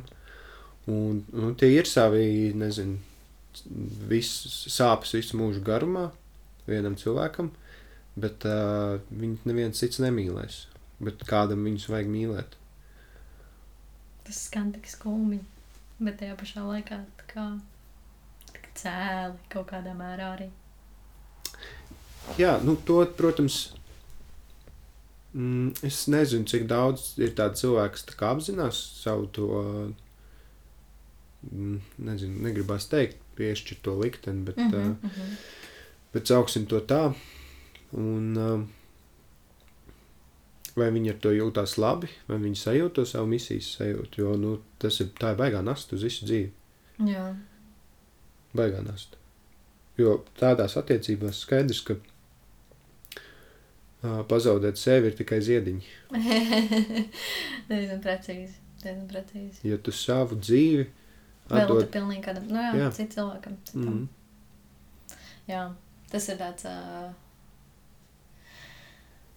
gribās nopūsties. Tad, kad uh, tu iedomājies par tādu cilvēku, kam tā ir. Mm. Jo es nezinu, es, negrib, es laikam negribētu būt tādā lomā. Man būtu ļoti grūti. Um, pieņemot, ka, nezinu, ezotēriski runājot, mm. -hmm. pieņemot, ka, ka šī nav vienīgā dzīve un būs nākamās un, un tādā garā, nu, tad es domāju, ka uz tā visa fona, nezinot tā kā mērogus un, un, un skaitļus precīzi, nu, Mm -hmm. tad viena dzīve ir viena darba diena. Un tā vienkārši, wow. ir, un tā vienkārši ir viena grūta darba diena. ļoti jā. Jo Jā. es, es atceros, man viena kolēģi teica, kā sauc, kā sā, kāds bija nosaukums tiem bērniem, kuriem ir, kuri piedzimst ar dažādām veselības problēmām, un tā kā tas ir uz visu dzīvi, visādiem sindromiem. Kā viņas likteņa bērni? Kaut kur dzirdēts arī tāds skarbāks grūtie bērni. Ah, jā, ok, jā, jā. Īpaši, nu, ir īpašo bērnu arī kā īpašie bērni. Jā, es, Tas ir tāds bišķiņi saulaināks. Jā, es, ne, es nezinu, kurš ir visneaizvainojošākais no Jā. visiem šiem, bet uh, tādi cilvēki. Uh, viņi man teica, ka uh, šādi bērni atnāk pie cilvēkiem, kas var to panest. Man vienmēr ir licies, ka kaut kādas lietas, kas ar mums dzīvē notiek, notiek tāpēc, ka tu to vari panest. Jā, jā, jā. Pavisam un, un līdzīgi arī ar bērniem. Tas ir arī, un tas Mhm. arī tā ir tāda neizmērojama mīlestība, man liekas, no vecākiem. Es, cik es esmu arī saistīta ar tieši ar paralimpisko sportu, un, un kas iekļauj arī, pie, piemēram, bērnus ar garīgi raksturu traucējumiem, Mhm. tad ir ārkārtīgi grūti, bet tajā pašā laikā ļoti uh, skaisti redzēt tos vecākus, kas tomēr nav izvēlējušies par labu, teiksim, atdot šo bērniņu aprūpes namā un rūpējas par viņu paši. Tajā pašā laikā tu atsakies kā mamma vai tēvs pilnībā no kaut kādas nu, tādas savas ikdienas laimes, jo tu visu to savu mīlestību, brīvo laiku un visu, kas tev ir, tu velti vienkārši tam, tam cilvēkam, kam to vajag. Un jautājums, vai tas cilvēks ar savām uh, nu, šīm teiksim, problēmām, kas viņam ir, vai viņš gana saprot, nu, kas, kas tas ir un cik daudz tas otrs cilvēks iegulda tajā. Varbūt pēc entajām desmit, entajām desmit gadiem. Varbūt, jā. Un, un šis arī ir tas stāsts par to, ka nu, mīlestībai nerūp. Šī- Jā. Viņa nav empātiska. Viņa vienkārši šeit vajag, šeit man vajag, un šeit viņam tam ir jābūt, un nav variantu. Jā, jā. Jā, bet te, te, tev ir taisnība par to, ka visas grūtības, jau, ar kurām mēs saskaramies, mēs viņus varam panest. Totāli. Jā. Es nezinu, es citreiz um, stāstot par kaut kādu savu dzīves stāstu no mazotnes līdz šim brīdim, mm. man liekas, ka es varētu uzrakstīt grāmatu par to, ko es esmu tā kā darījusi. Un es nezinu, man mamma, teiksim, man bija četri gadi, kad mamma iekļuva autoavārijā, un līdz ar to mēs ar māsu kļuvām šausmīgi patstāvīgas jau no bērna kājas. Es jau piecu gadu vecumā pati mazgāju savus krekliņus, ja iemācījos, kā augstā ūdenī izskalojot, viņi paliek tādi mīksti un smaržīgi. Un, uh, un skaidrs, ka man arī bija bieži vien um, nu, jāskrien no skolas mājās, tur jāplīdz mammai ar kaut kādām tur, uh, lietām, tur nezinu, jāuztais ēst. Uh, Es nevarēju tur kā visi pēc skolas iet, uh, atpūsties, uh, tur skraidīt pa stadionu, spēlēt ķerens. Man bija jāiet mājās. Un, un, uh, un tagad, skatoties uz to, es saprotu, nu, kā toreiz man likās, ah, cik stulbi, bez jārā. Un tā jau arī, nu, kaut kādā mērā tā arī ir. Es zaudēju kaut kādus savus tādus bērnu dienas, tur uh, jautros gadus, kad, tur, kad visi tur spēlējās, jā, tur viens ar otru čatojās, tur bija kaut kādos ballītēs un vēl kaut kur. Man bija, nu tā, kad man, teiksim, 9, 10 bija jābūt jau mājās, vai, vai teiksim, man bija sarunāts, ok, man vienos jābūt mājās, un mamma mani gaida, kad es viņai palīdzēšu, teiksim, tik gultā. Un es kaut kādā mērā sevi ierobežoju tajā laikā, bet, teiksim, šobrīd, skatoties, um, tad, kad viss jau ir mūsu dzīvē sakārtojies, un mammai, teiksim, ir asistents, kas viņai palīdz, un man daudz retāk ir jādodas pie, viņai, pie viņas, mūsu attiecības ne tikai ir uzlabojušās, bet es arī skatos uz to kā tādu ļoti, ļoti vērtīgu mācību un ļoti, ļoti tādu vērtīgu pieredzi, ko es nekad citur nevarētu skolā vai universitātē vai jebkur citur dabūt. Un ne tikai tādās praktiskās lietās, bet arī tādās emocionālās lietās. Un tāpēc man bieži vien, teiksim, attiecību kontekstā ir daudz vieglāk izteikties, kā es jūtos, jo es tādā ļoti agrā vecumā jau sāku saprast, kas ir rūpes par citiem, kas ir tā tādas sāpes, vilšanās, nu, tādas emocijas, ko bērnam varbūt nevajadzētu just.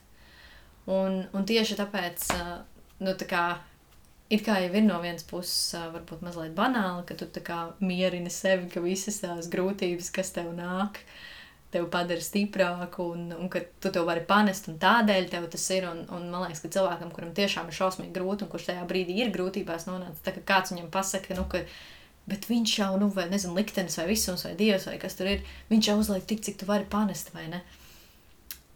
Kas tā arī ir, bet tajā brīdī tam cilvēkam tāds, ā, vienkārši jā, nu, tā kā es nevaru to panest. un, uh, un, jā, un, un, un, un kaut kā, kaut, kā nu, protams, tā ir. Es, es rīktīgi piekrītu tās lietas, un vispār tās lietas, kas notiek ar mums dzīvē, gan, gan mīlestības kontekstā, gan kaut kādās ikdienas lietās, nu, tas viss vienkārši tevi ved uz, uz to pareizo virzienu. Visi nepareizie lēmumi, ko tu pieņēmi mīlestībā, tevi noveduši pie tā pareizā lēmuma tagad. Un tu saproti, kāpēc tev vajadzēja iziet cauri visām tām nereāli grūtām attiecībām vai kaut kādām problēmām, kas jums ir bijušas iepriekš, vai nezinu, you name it, vai ne? Un, uh, un tad tu kā saproti, tu to izdzīvo, un ja tas nebūtu bijis, tad tev nebūtu tas, kas tev ir šobrīd. Mm -hmm.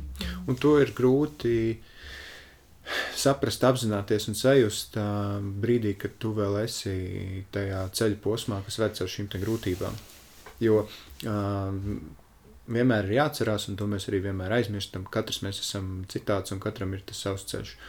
Un, uh, tur ir cilvēki, kas apprecās 20 gados un nodzīvo laimīgi līdz mūža beigām. Ir tādi, kas apprecās 35, beidzot, un nodzīvo līdz 45 kopā tikai. Vai nu, tas jau tāds labs arī gadījums, tikpat labi jau var izšķirties, nezinu, pēc pusgada saprast, šis, jā, jā, nav jā. vispār. Nu, cik, cik tas ceļš ir, nu, tas arī kā tu to ceļu ej, cik mm -hmm. tu mhm. viņu intensīvi ej, cik tu ļoti ar sevi strādā, nu, tas visu laiku ir no mums. Tik daudz mainīgo. Jā, tur ir tik daudz mainīgo. Nu, nav tā, ka tev ir gluži um, nu, piešķirts, ka tev noteikti šajā ceļa posmā ar sevi nevajag strādāt. Lai gan tas arī, nu, ir reizēm mums nevajag darīt lietas, kas mums pēc tam liek saprast, ka tomēr viņas vajadzēja darīt. Tu, jā, man vajadzētu tu, paprocesēt bišķi, lai saprastu to, to pēdējo teikumu, bet jā. Jā, nu, ka tu, mm -hmm. nezinu, gadu, piecus ar sevi nestrādā, jo tev liekas, kā tas sakars. Nevajag, un tas viss pašpalīdzības grāmatas un vispār ir reliģijas, un viss tas ir tāds būšs, man šito nevajag līdz vienam brīdim, kad kaut kas noklikšķis, vai nu, ir kaut kāda pieredze, tu satiec mm -hmm. kādu cilvēku, un tev liekas, oh, tur kaut kas ir, un tu sāc meklēt, un sāc rakties, un, un tu sāc noticēt, un varbūt, nezinu, ja tu būtu to sācis darīt ātrāk, nenonākt tur, kur tu nonāc pēc tam. Un to, to vienmēr ir grūti pateikt. Kā būtu, ja būtu. Un, jā, jā, kas tad, kas tad to lai zina? Bet ir tā, kā ir, un, un, un, un tas ir jāpieņem un jāiet tālāk. Tā ir. Jācenšas augt. Nu, nav jau viegli arī, zin, kā citreiz, citreiz jau ir tāds, tu tā kā apvainojies. Es zinu, ka man citreiz tāda aizvainotības sajūta, ka tev ir bijis tā un citiem tā nav. Un ka citiem ir daudz vieglāk, un tu skaties uz to cilvēku dzīvi, ja tur liekas, ah, oh, tas vispār nekas nav. Bet patiesībā katram jau tam cilvēkam ir savs stāsts, katram ir savs tas struggles. Un pat tad, ja tu redzi tādas super, nu, tiešām harmoniskas un foršas attiecības, pirmkārt, tu nevari zināt, vai tajā netīrās veļas dienā, ja tas, nu, tā kā vai tur neiet baigās dzirkstēls apkārt esot mājās, un otrkārt, ok, varbūt viņam tur super harmoniski mīlestība, bet kaut kas cits viņam tur, nu, pilnīgi, pilnīgi ir citā dimensijā daudz mm. sliktāk, un um, tas, man liekas, ir tas, ko cilvēki bieži vien aizmirst. Ka viņam tā kā liekas, o jā, man ir rīktīgi sūdīgi, tur citiem viss tik labi, tik rožaini, tik skaisti, bet patiesībā jau mēs visi esam mazas lodītas, jā šajā pasaulē, kas straglo vai, vai tieši otrādi veiksmīgi dodas cauri dzīvē, atrod to savu uh, pareizā labirinta ieeja, nonāk strupceļā, piemēram, ok, jāgriežās apakaļ, aizslīd bišķi garām tā īstē ieeja. Zini, kā ir tās spēlīts, ja? Nu, mm -hmm. kur tev tā, tā bumbiņa, mm -hmm. kur baigi grūti, es atceros, bija dabūt. Jā. Bērnībā, jā, bērnībā jā, jā, jā. bija ļoti grūti. Nu, tā, tas, tas jau ir tā ir tēma sevis mīlestība. Ne? Un, mm -hmm. un šī salīdzināšana, man liekas, nestrādā nevienā no virzieniem, kad tu skaties uz cilvēku, ah, viņiem ir tik labi kas ir tas, ko mēs visbiežāk darām, bet uh, nestrādā arī tas, kā man iet labāk nekā viņiem. Oh, jā. tas arī nestrādā. Jā, jā. Vienkārši, nu, cik, nu kā, iedomājies, un nevis iedomājies, bet šobrīd, kad tu skaties caur savām acīm, nu, tu no sevis redzi, ko. Tu, nu, tev šobrīd. tu, nu, viss. jā. Nu, tad tu vari kaut kur ar perifēru, ar kur ir kāja, man ir, kur mm, ir šis. Mm. Skaidrs, ka nu, tu dabiski vienkārši skaties uz visiem citiem. Atverot telefonu vaļā, nu nav tev tur tavs profils priekšā Instagram vai Facebook. Nu, tur jau ir citi un citu dzīves, un, un tu sevi tajā visā neredzi nemaz. Mm -hmm. Un tu sevi neskaties, un tā ir problēma. Mēs redzam visus citus uh, sev acu priekšā loģiski, tā, ka dabiski, ka mēs uz viņiem skatāmies un skatāmies, cik viņiem iet labi un kaut kādā ziņā to vērtējam. Mm -hmm. un, un, un tā, un, un ir grūti. Uh, sevi atradināt no šīs, šī dabiskā procesa, skatīties uz citiem. Jā. Un tad ir jautājums, nu, skaidrs, ka to nevar izdarīt. Nu, tu nevari katru dienu uz sevi skatīties, impossible čika. Uh, un, nu, tas, ko man liekas, var darīt, ir uh, nomainīt šo salīdzināšanu ar kaut kādu, nezinu, tu redzi citus, kā tu uz viņiem reaģē. Varbūt vienkārši jāpriecājās par viņiem. Un, un, un, un, un nezinu, un jāpriecājās tā, lai tev nepaliek sevis žēl. Ja tā ir, man liekas, nu, iedomājies, ja tu tā pieredzējis skatīties uz citu dzīvēm, salīdzināt uh, savējo ar viņu dzīvēm, un tagad tu tā mēģini uh, nomainīt šo ieradumu un šo sajūtu, ok, tagad es priecāšos par citiem, ja Instagramā ir caur storiem, man prieks par viņu, man prieks par viņu, man prieks par viņu. Žēl, ka man tā nav. nu, tā tas, ir, tas ir sarežģīti, tas ir baigais Jā. darbs un baigās sevis. Uh, nezinu, pārvadošana. Tā varētu latviskot revival. Jā, jā, noteikti, noteikti. Jā. Tā kā viena lieta. Pārprogrammēšana. Pārprogrammēšana. Mm -hmm. Tas ir kaut kāds citādāks afirmācijas vienkārši. Tā kā nevis, mm -hmm. ka tev skauž vai ka tev, ah, es arī tā gribu vai kaut kā, bet, nu, protams, ir um, īpaši, tā, kad tev ir ļoti grūti, tad ir par citiem grūti arī priecāties. Nu, tā kā es atceros, tā, kad um, man bija tas posms, ka es biju viena pati un likos, šķitu sev pati ļoti pazudusi un, kad es nu, sev vācu kopā, tad uh, man bija ļoti grūti skatīties uz manām draudzenēm, kurām tur um, Facebook paziņojumos, uh, o, tagad būsim trīs, vai tur, o, sad, tikko sadarinājies, vai tur, nu, visi šie attiecību statusi, ja. Vai, tu kā klausies, oh, cik forši tur tavai draudzenei iet ar viņas topošo vietu, liekas, ah, ka Dievs, kur ir mans topošais vīrs, nu, tā kā besī ārā, un tev tik grūti, ka citiem ir labi, un tu saproti, ka tev tik sūdīgi tajā brīdī. Un uh, ir baigi grūti priecāties. Ir baigi grūti mm. priecāties. Tā ir.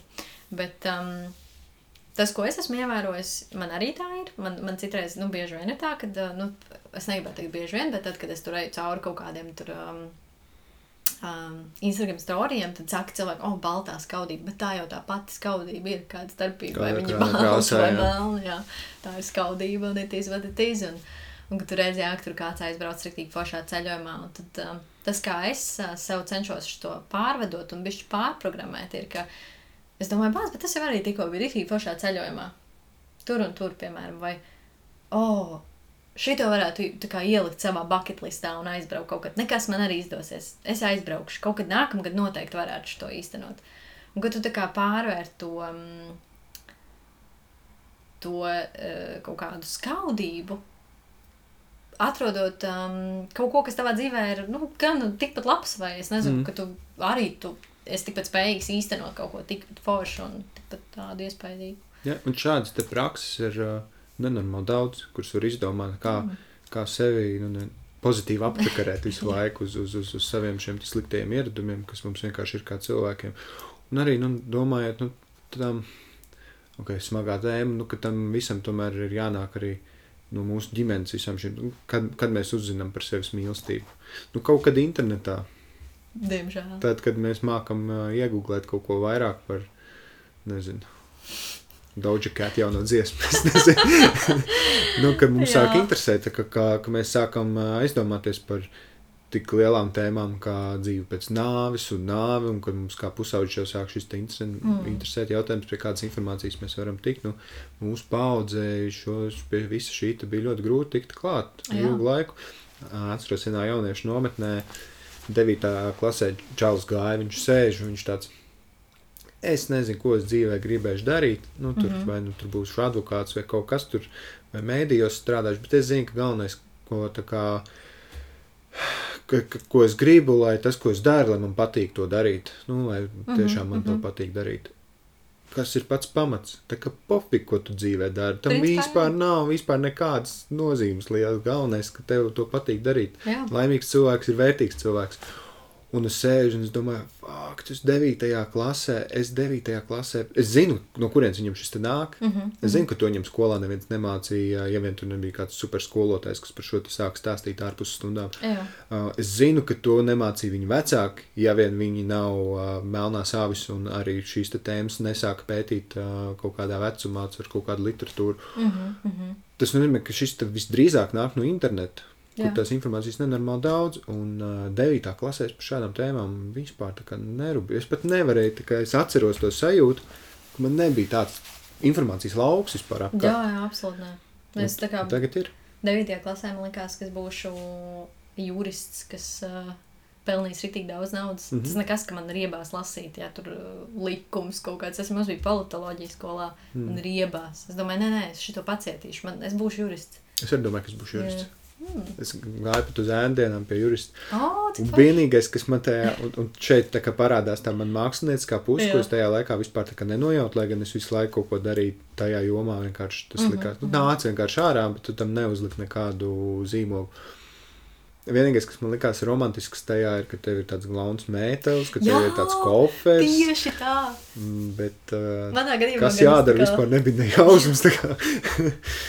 Manā gadījumā viens no iemesliem, kāpēc man likās, ka es negribu iet, jo man likās, ka juristi visu laiku ģērbjās vienā kostīmiņā. Man liekas, nē, Mhm. es gribu savā darbā iz- nu, kā ģērbties labi, kā krāšņi, Mhm. katru reizi pamainīt kaut ko, nevis tā kā iet vienā tur melnā jā. vai kaut kur. Un, um, bet, nu, jā, jā, līdz ar to. Bet tā ir ļoti, ļoti vērtīga īstenībā tagad jaunā paudze, man liekas. Man ir tāda ticība ļoti daudziem jauniem cilvēkiem. Arī, teiksim, kaut kādās lekcijās esot, nu, mentoram, piemēram, es atceros, biju savā skolā vecajā, un, un man liekas, es runāju ar 11. klases skolāniem, eh, vēl tad, kad varēja iet, tur 19. gads, laikam, tas bija. Jā, varētu būt. Un, um, un es atceros, jā, ka tur arī bija ļoti daudz tādu foršu piemēru, kur kā klausies un saproti pats, es vispār nebiju nekur tā kā tuvu tam līmenim, kur tas cilvēks ir tajā desmitajā klasē, cik mm -hmm. viņš Mhm. ir emocionāli inteliģents, cik Mhm. daudz mm -hmm. viņš saprot, cik viņš pats grib un, un kur viņš grib nokļūt. Un, un uh, es, es saprotu, ka es, es, man ir ļoti daudz foršu piemēru manā draugu lokā, uh, kur ir um, ļoti foršas mammas un ļoti forši tēti, kas šīs lietas māca un tādu mīlestību gan pret saviem māsām, brāļiem, gan pret mamām, tētiem, gan, gan pret sevi. Un es gribu būt tāda mamma, kas uh, saviem bērniem nu, pastāst par to, ka ir forši sevi mīlēt un uh, ka nav vispār jākautrējās, nezinu, jājūtas vainīgam par to, ka tu gribi sevi, piemēram, palutināt ar kaut ko vai papriecāties par kaut ko. Un... Jo man tas tā nebija. Man tas tā nebija. Un man, man savukārt ir bišķiņa bail, ka, uh, nu, zin kā, es nekad nedarīšu tā kā mani vecāki, ja, vai kaut kā tā, bet patiesībā jau tas tik ļoti ir ieprogrammēts tevī, ka to ļoti grūti izskaust, lai mm. tu nedarītu tieši tāpatās. Nu, tā man mazliet ir bailējā. Nu, tas ir. Uh, nu, tas, man liekas, tas sijā tās, tās problēmas kaut kādas, kuras mēs redzam, tagad sijājās ārā ar katru nākamo paudzi. Un, un nāk iekšā kaut kāds jauns. Jo, domājot par, man ir tas, ko mēs runājam par balto skaudību, Mm -hmm. un ne, man, ne, man neskauž jaunās paudzes, bet man ir tāds prieks par jaunajām paudzēm.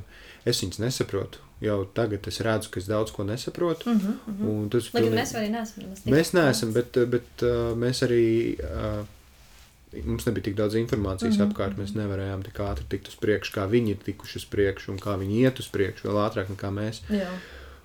gājām. Un, un es redzu, nu, ka ir daudz lietas, kuras viņi nekad nesapratīs, jo mums bija tā, un viņiem ir pilnīgi citādi. Un, un tādā ziņā man viņas ir žēl, jo tas bija brīnišķīgas lietas.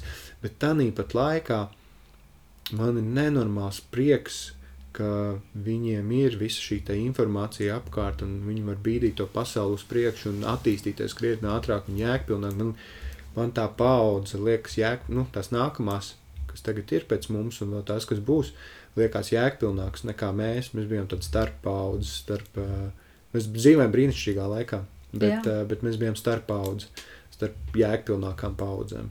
Pavisam noteikti. Jā. Viņiem ir savas problēmas, loģiski, kurā mēs.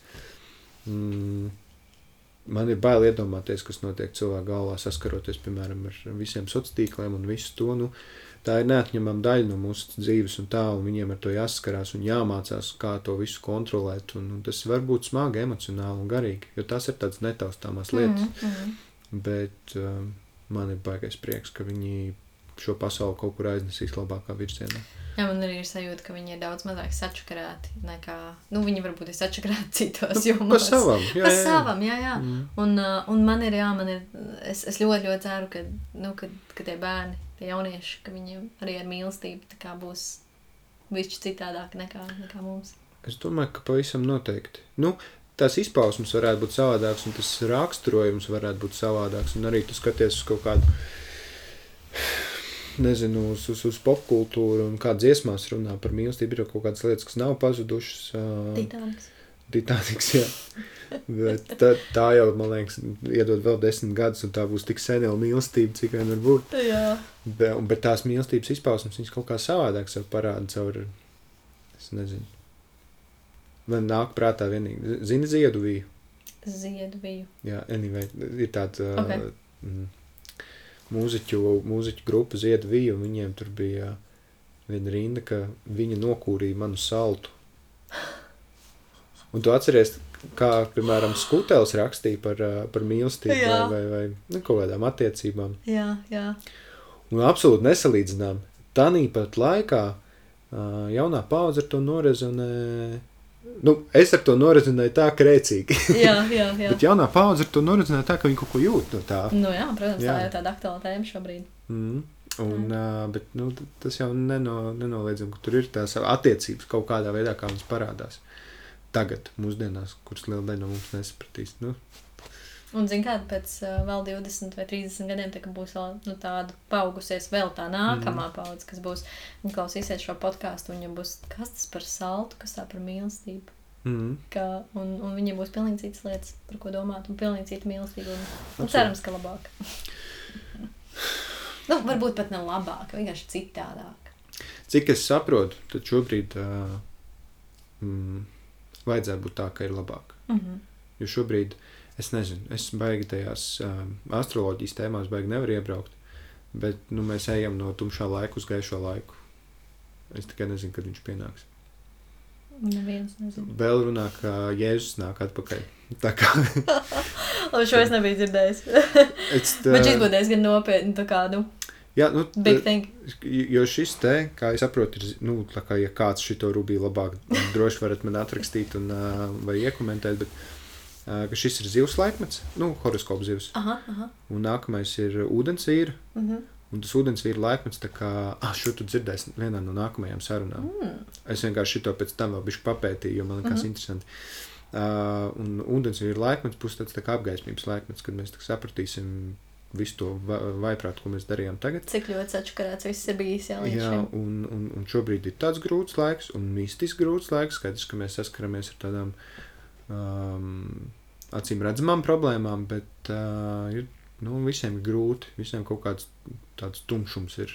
Tā, viņi paši pat nesaprot, kāpēc. Ir, jā, ir. Tā kā tā pasaka, es, jā. Nu, tā kā es, tad, kad man palika grūti mm -hmm. dzīvē, uh, man bija tāds, nu, nekas tāds, tāds, nu, tāds laiks, nu, man grūti vienkārši tāds posms dzīvē. Uh, bet, kad es sāku runāt ar cilvēkiem apkārt, viņi man stāsta, ka viņiem ir grūti un kā viņiem ir grūti, un man ir tieši tāpat, un es var, tad jau es vairs nesapratu, no kurienes tas tā kā tas Zivs. nāk. Zivs. Zivs. Un, uh, un tad es uh, redzēju, bija viens arī kā, video lekcija par to, ka Jēzus nāks atpakaļ. tajā ūdensvīra laikā, ūdensvīra laikmetā. Uh, kā to saprast, es nezinu. Okay. Jā, bet nu, tas, tas mums, mums, protams, tā pirmā doma ir, ka Jēzus atkal izlīdīs no savas ir ārā, kā- bet uh, mm, Varbūt būs kāds pravietis, varbūt vienkārši būs Jā, kāds jā, jaunietis, kuram būs 33, kurš būs Jā. gan tā kā izglītots un saprotošs. tieši tā. Nu, tā, ka tas, tā forma jau var būt pilnīgi cita. Mm, mm. Galvenais tā ideja laikam tajā visā. Bet, um, jā, tā kā um, es domāju, ka jaunajām paudzēm klāsies vieglāk. Un es domāju, ka noteikti, nu, ka, viņi klau, piemēram, ja kāds vispār šito klausīsies no jaunajām paudzēm, ka, mm. -hmm. ka būs, um, nu, būs savādi šajā visā klausīties. Jo, jo galvenokārt jau tāpēc, ka uh, uz kādām paudzēm mēs varam atsaukties uz saviem senčiem, kas ir uh, atmodas, pēdējās atmodas laikā jaunieši, kas uh -huh. ir pieredzējuši mazliet PSRS un pieredzējuši jaunu Latviju un tagad pieredz šito visu. Uh, un uz mūsu vecākiem, kas ir absolūti padomu savienības paudze, viņi būs, viņi vairs nebūs. Viņus um, tāpat kā mēs tagad skatāmies uz saviem vecvecā, vecvecākiem, uh, kurus mēs nekādīgi nevaram sajust, nu, kā tie cilvēki bija. Nu, mēs varam censties saprast, kā viņi dzīvo, un tā, bet mēs vispār nesaprotam. Jaun, Absolūti vispār. jaunās paudzes nesapratīs, kas ir PSRS paudze. Jā. Tas nozīmē, ka kaut kādas tās uh, mm, tie vecie mīlestības attiecību ieradumi liksies pilnīgi nu, kosmos. kaut Jā, jā, ja sit, tad mīl, Ja visticamāk sit, tad- būs kaut jā. kas ā, super vēsturisks. Nu, tas un, būs ā, jā, tik senos, ka to pat vairs Visticamāk neliekas jau tagad neuztver nopietni. un- un, Protams, un saka, protams. kā reizēm saka, izmet kā kaut kādu joku, vai, ne, vai tur paņirgātos kādreiz pat par kādu. Bet nākotnē es domāju, ka tas vispār pat varbūt aizmirsīsies, ka kāds vispār kaut kā tā teica. Mm. Droši vien tādas fundamentālās lietas paliks, ka tur kādreiz par vīriešu un sievietes lomu sabiedrībā, nu tādas lietas paliks par to, par stereotipiem, par sievieti un par vīrieti jā. ģimenes dzīvē un tā. Mm, Bet nu, divas lietas, man liekas, kas noteikti nemainīsies, būs, cik nenormāli svarīgi ir sevis mīlestība un cik ļoti īstenojot to, tu tā kā uzplauksti un atveries pret citiem. mm, Un mīlestība kā mīlestība. Es domāju, ka tas, nu, kā, protams, ka viņa uh, mazliet transformēsies un būs varbūt citādāk. Un tad uh, man varbūt šobrīd mīlestības valoda ir, es tev atdodu savu saltiņu, ja? Mhm. un, uh, un tāpēc es tevi mīlu. Un uh, manai paudzē, varbūt nu, mūsu paudzē tas ir bijis citādāk. Bet, uh, bet es domāju, ka tā ir, jā, tā noteikti būs tāda ļoti uh, nu, tēma, kas, kas vienmēr būs aktuāla mm, visādos, uh, visādās dzīves jomās un dažādos aspektos un dažādās šķautnēs. Un tas, ka varbūt tās izpausmes būs mazliet citādākas, bet um, tas būs beigas svarīgi tāpat. Jā, pavisam noteikti. Es neesmu šito pētījis, bet uh, noteikti būtu. Šim būs kaut kad jāpieķerās, no kurienes, kad vispār mīlestība sākās. Hmm. Nu, es, uh, man pirmais iešaujās Ādams un Ieva.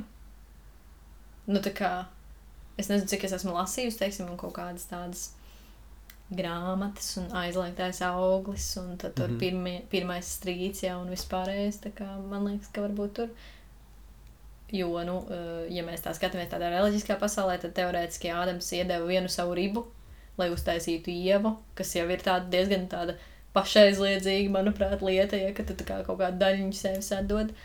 Un uh, iespējams tur tā mīlestība ir sākusies. Jo mīlestība jau ir nu, šausmīgi dažāda. Es to mīlestību mm. -hmm. šobrīd saku kā mīlestību starp vīrieti un sievieti, teiksim. Mm. Bet mīlestība var būt arī pret savu maidzinieku vai pret nu, ģimeni. Pašsaprotami. Mhm. Mīlestība mm pret dziesmu, ko mēs sākumā pieminējām. Mīlestība pret, um, es nezinu, pret kādu konkrētu darbību tavā dzīvē. Mīlestība ēst pulciņus uz tā soliņa mīnus 30 grādos. Mm. Vai, jā. Kaut kā tā. Kaut kā tā. Vēl kaut ko gribu pateikt. Jā, es um, laikam uh, vēl viena lieta, ko man vēl nav izdevies pateikt mūsu sarunas laikā, bet um, kas manuprāt ir ļoti svarīgi, ir um, um, tā kā neaizliegt savu to mīlestību un, un pateikt, ka tā kā ir pilnīgi ok, ja tu nejūti to pašu mīlestību pret sevi, ja tu nejūti mīlestību varbūt pret kādu citu cilvēku šobrīd, tas viss nāks, tas viss uh, transformēsies, tas būs. Jo es biju tas cilvēks, kas pateica savu pirmo es tevi mīlu, tad, kad man bija kaut kāda 22 gadi, 23. Es nevienam tādam tieši tādam vīrietim, nu, kā ar ko es būtu kopā, nekad nebiju to pateikusi, jo es vienkārši nejūtu tādu vajadzību nekad līdz šim. Un man liekas, ka kaut kas ar mani nav kārtībā. man liekas, bācis visas manas draudzenes jau tur pēc vidusskolas, un vidusskolas laikā jau atraduši savas otras pusītes, un es esmu pilnīgi viena. Un, zin, kā, es biju tas cilvēks, kas. Um, Ziniet, kā vidusskolas laikā, tad, kad viss sāk tur pīpēt, ja, es nekad nesmēķēju. Es vienmēr gāju līdzi visiem. Kā, ja man liekas, oh, forši tur būt parā, bet nu, nesmēķēt, bet vienkārši dzirdēt, ko cilvēki runā, būt savējā. Līdzīgi bija mīlestība. Man nebija mīlestības, citiem bija, un es ar viņiem biju kopā un kā, nu, mēģināju saprast, kas viņiem ir mīlestība un kā, kā tas strādā, jo man nebija vispār nejausmas. Līdz ar to mīlestība nāk kaut kādā vienā tajā brīdī, konkrētajā viņa, nu, viņa ir, viņa atnāk. Un uh, nevajag baidīties, ka neatnāks.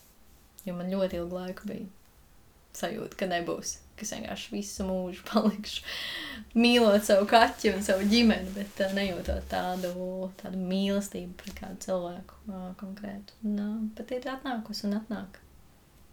Tā kā, jā. Uh, piebilstot, Imants teica, ka mīlestība divreiz nenāk. Mm. Ka mīlestība ir viena. Tev tā liekas?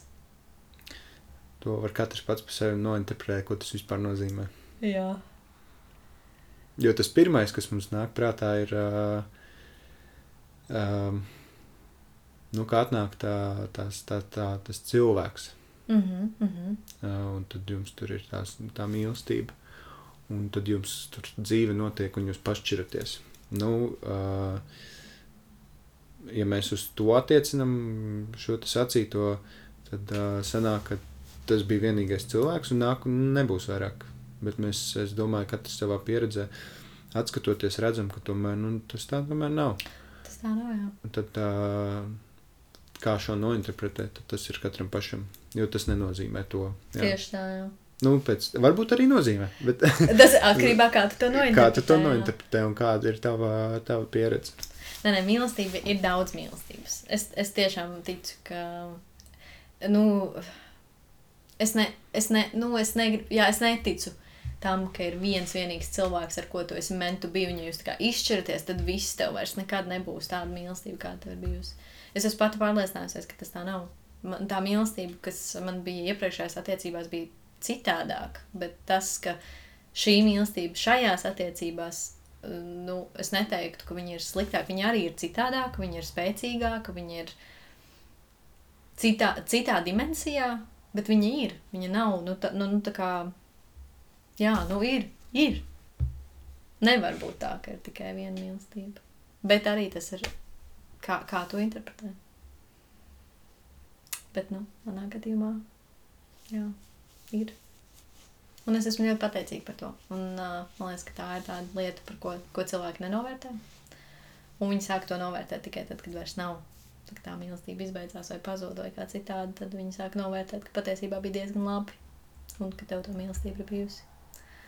Un, uh, un jā, tāpēc es esmu ļoti, ļoti pateicīga par to vispār, kur es šobrīd esmu dzīvē. Man liekas, tādā emocionālā stāvoklī es esmu ļoti labā vietā. Un runājot par mīlestību, es arī varu tā ļoti brīvi, manuprāt, um, izteikties un nekautrēties par to, kā man šķiet, jo nav jau viena pareizā atbilde. Mm -hmm. Tieši tāpēc arī tev ir šis podkāsts. Mm -hmm. Tieši tāpēc ir sarunas par mīlestību, lai saprastu, kāda tā mīlestība ir no pilnīgi visām pusēm. Mm. Un, uh, Man, man liekas, ka nevienam nevajadzētu uztvert katru no šīm sarunām kā kaut kādu universālo patiesību. Nu, jo katram tiešām tas ir savādāk, un es domāju, izrunājot šo tēmu ar visiem pasaules cilvēkiem, nu, mēs nenonāksim pie tāda viena. Tāpēc, ka tie nākamie cilvēki jau dzimst, un nāk, un tās paudzes mainās. Un, un tās sajūtas, uh, kaut kādu kopsaucēju, jo tam visam ir. Bišķiņi ir, jā. Es, teiksim, arī klausoties um, kaut kādas iepriekšējās epizodes, mm. um, es ļoti daudz varu, teiksim, identificēties ar kaut kādām lietām, ko kāds cits ir teicis. Man ļoti patika Kaspar Breideka saruna, Es domāju, nu, tā, ka viņa, viņa nāca vienkārši īstajā brīdī, īstajā laikā. Es viņu klausījos, man liekas, oh, my God, kā var būt tik mm. zinošs cilvēks šajā jautājumā. Un, un, un tā, bet tas arī viss ir par interpretāciju. Tā kā, kā tu to interpretē ka, un ko tu paņem no tās sarunas. Mm -hmm. Varbūt uh, visi cilvēki, kas noklausīsies šo mūsu sarunu, paņems to, ka jā, bulciņas ir jā, minus 30 grādu salā parkā. Jo arī nu, tas jautājums, nu, kā tu sevi mīli, nu, dzirdēju tavu atbildi par bulciņām salā, mm -hmm. manu par video spēlēm. Un uh, kādam šīs abas atbildes liksies, nu, pilnīgi, nu, kāpēc? Bet viņi šo jautājumu būs dzirdējuši, viņi uzdos sev šo jautājumu. Tieši tā. Jo mēs esam tik dažādi, tāpēc jau mums arī ir tik, mēs esam tik dažādi un vien, vienlaicīgi tik vienādi. Uh, tāpēc mums ir tik, uh, kā kaut kāda liekas kopsaucēji, un tad pat laikā mums ir atšķirīgs tas atbildes kaut kur. Un, uh, jā, nu, tāpēc man liekas arī būtiski, tāpēc ir iet pie tiem cilvēkiem un, un runāt un saņemt, jo tu nekad nezini, kād, kam, kam tas kaut kādā veidā palīdzēs un noderēs. Mm -hmm, mm -hmm. Un tāpēc, tad, kad man kāds saka, kā nu, ko tad es tur par to mīlestību, nu, kā, es, es jūtu, ka cilvēks grib, un es zinu, ka viņam ir ko teikt. Jā. Un es zinu, ka būs vērtīgi. Uh, pat nezinu, es jūtu. Un, uh, uh, bet viņam ir tāds šaubas, nu, kam to vajag vispār dzirdēt, nu, ko es tur tādu varu pateikt. Bet mums katram ir kaut kas, ko par šo te teikt. Jo neizbēgami mums katram ir bijusi pieredze ar mīlestību vai nemīlestību. Vienalga. Un pat ja, un pat ja nezinu, es ar tevi tiktos, tad, kad tev bija 21, un tu vēl biji tajā posmā, kad tev likās, ka nekas nenotiek, tev noteikti būtu ko teikt par šo. Es domāju, ka jā. Un kādam tas būtu tāpat tās iedevis kaut ko, jo kāds. Uh, vai nu šobrīd, vai tad atradās uh, tajā pašā situācijā, kur tu. Kur tu. Mm -hmm. Tā ir. Tā, katram ir tas ceļš citāds. Ir. Un katra saruna un katra lieta, kas notiek, notiek īstajā laikā, tad, kad tā jānotiek. Un mm. vienmēr dzirdīs tās ausis, kurām jādzird. Mm -hmm. Tā ir. Jā, tas ir brīnišķīgi. Paldies! Paldies! Mēs noteikti varam tikties vēl kādreiz. Jā, šis bija, šis bija patiesībā ļoti terapeitiski kaut kādā mērā. Uh, jo ir forši paskatīties uh, uz to, kā man šķiet no malas kaut kādā mērā. Kā klausies sevi, dzirdi, sāc saprast vairāk, mācīties, apgūt. Kā ļoti vērtīgi, paldies tev. Ņem par labu. Man liekas, ka tur vajag tos šīs sarunas. Mm, gan man pašam, gan tam otram cilvēkam parasti ir labs triggers, lai par šīm lietām runātu. Uh -huh, uh -huh. Jo pat ja mēs kļūdāmies šobrīd kaut kādos jautājumos, un vai arī mums domas mainīsies pēc kaut kādiem gadiem, uh mhm. -huh. bet uh, mēs varam tā kā, mums ir iemesls par to parunāt un padomāt nopietnāk, jo mēs jau parasti tā ikdienā, nu tad, kad kaut kas notiek vai notrigerojās, tad mēs tikai par to sākam domāt vai no attiecībās vai ģimenē kaut kas tāds, kas mums liek par to domāt, un mums vajag šos te, šos te triggers, kas mums liek par šo parunāt vairāk. Tā ir. Padomāt un, un saprast, ko, mē, ko mēs par sakam, ko mēs par domājam. Kā mēs to vispār jūtam? Un tad ir kaut kādas pilnīgi jaunas atklāsmes tev pašam par sevi. Mm -hmm. Tev liekas, oh, bāc, šito es nekad nebiju sadalījis kopā. Jā, Jā un, un, un cilvēki ir brīnišķīgākais triggers. Gan, gan labā ziņā, gan sliktā, jo reizēm mūs izraisa tādas emocijas un domas un sajūtas, kuras mēs negribam. Bet mm -hmm. tā ir atkal jauna informācija, ar kuru mums strādāt pašiem. Ko mēs ar šo visu informāciju darām? Nu, tā kaut kā. Nu, forši ar to. Baigies prieks, ka tu to taisi. Nu, forši sen. Paldies, ka tev patīk un ka tev noder. Jā, un ka tā. tu vispār piekriti parunāties. Es zinu, ka daudziem tas ir uh, liels izaicinājums. Tas nav viegli, bet um, ja tu zini, ja tev ir jau kaut kādas uh, savas iekšējas izpratnes par kaut kādām lietām, tad bija vieglāk. Tad, kad tu sāc runāt, tad jau mm. aiziet. Nu, redz, aicinājums citiem. Šitos visiem aizsūtīšu, kuriem es grasos runāt. Tev bail? Zane. Super, paldies. Jā, paldies tev. Šis bija, šis bija tiešām ļoti, ļoti vērtīgi un ļoti interesanti. Jo ļoti daudz lietas tiešām, kad tu pasaki skaļi, skan pilnīgi citādāk nekā tu savā galvā esi jau kaut ko nokomunicējis ar sevi. Jā, vispār skaļi pateiktās lietas ir.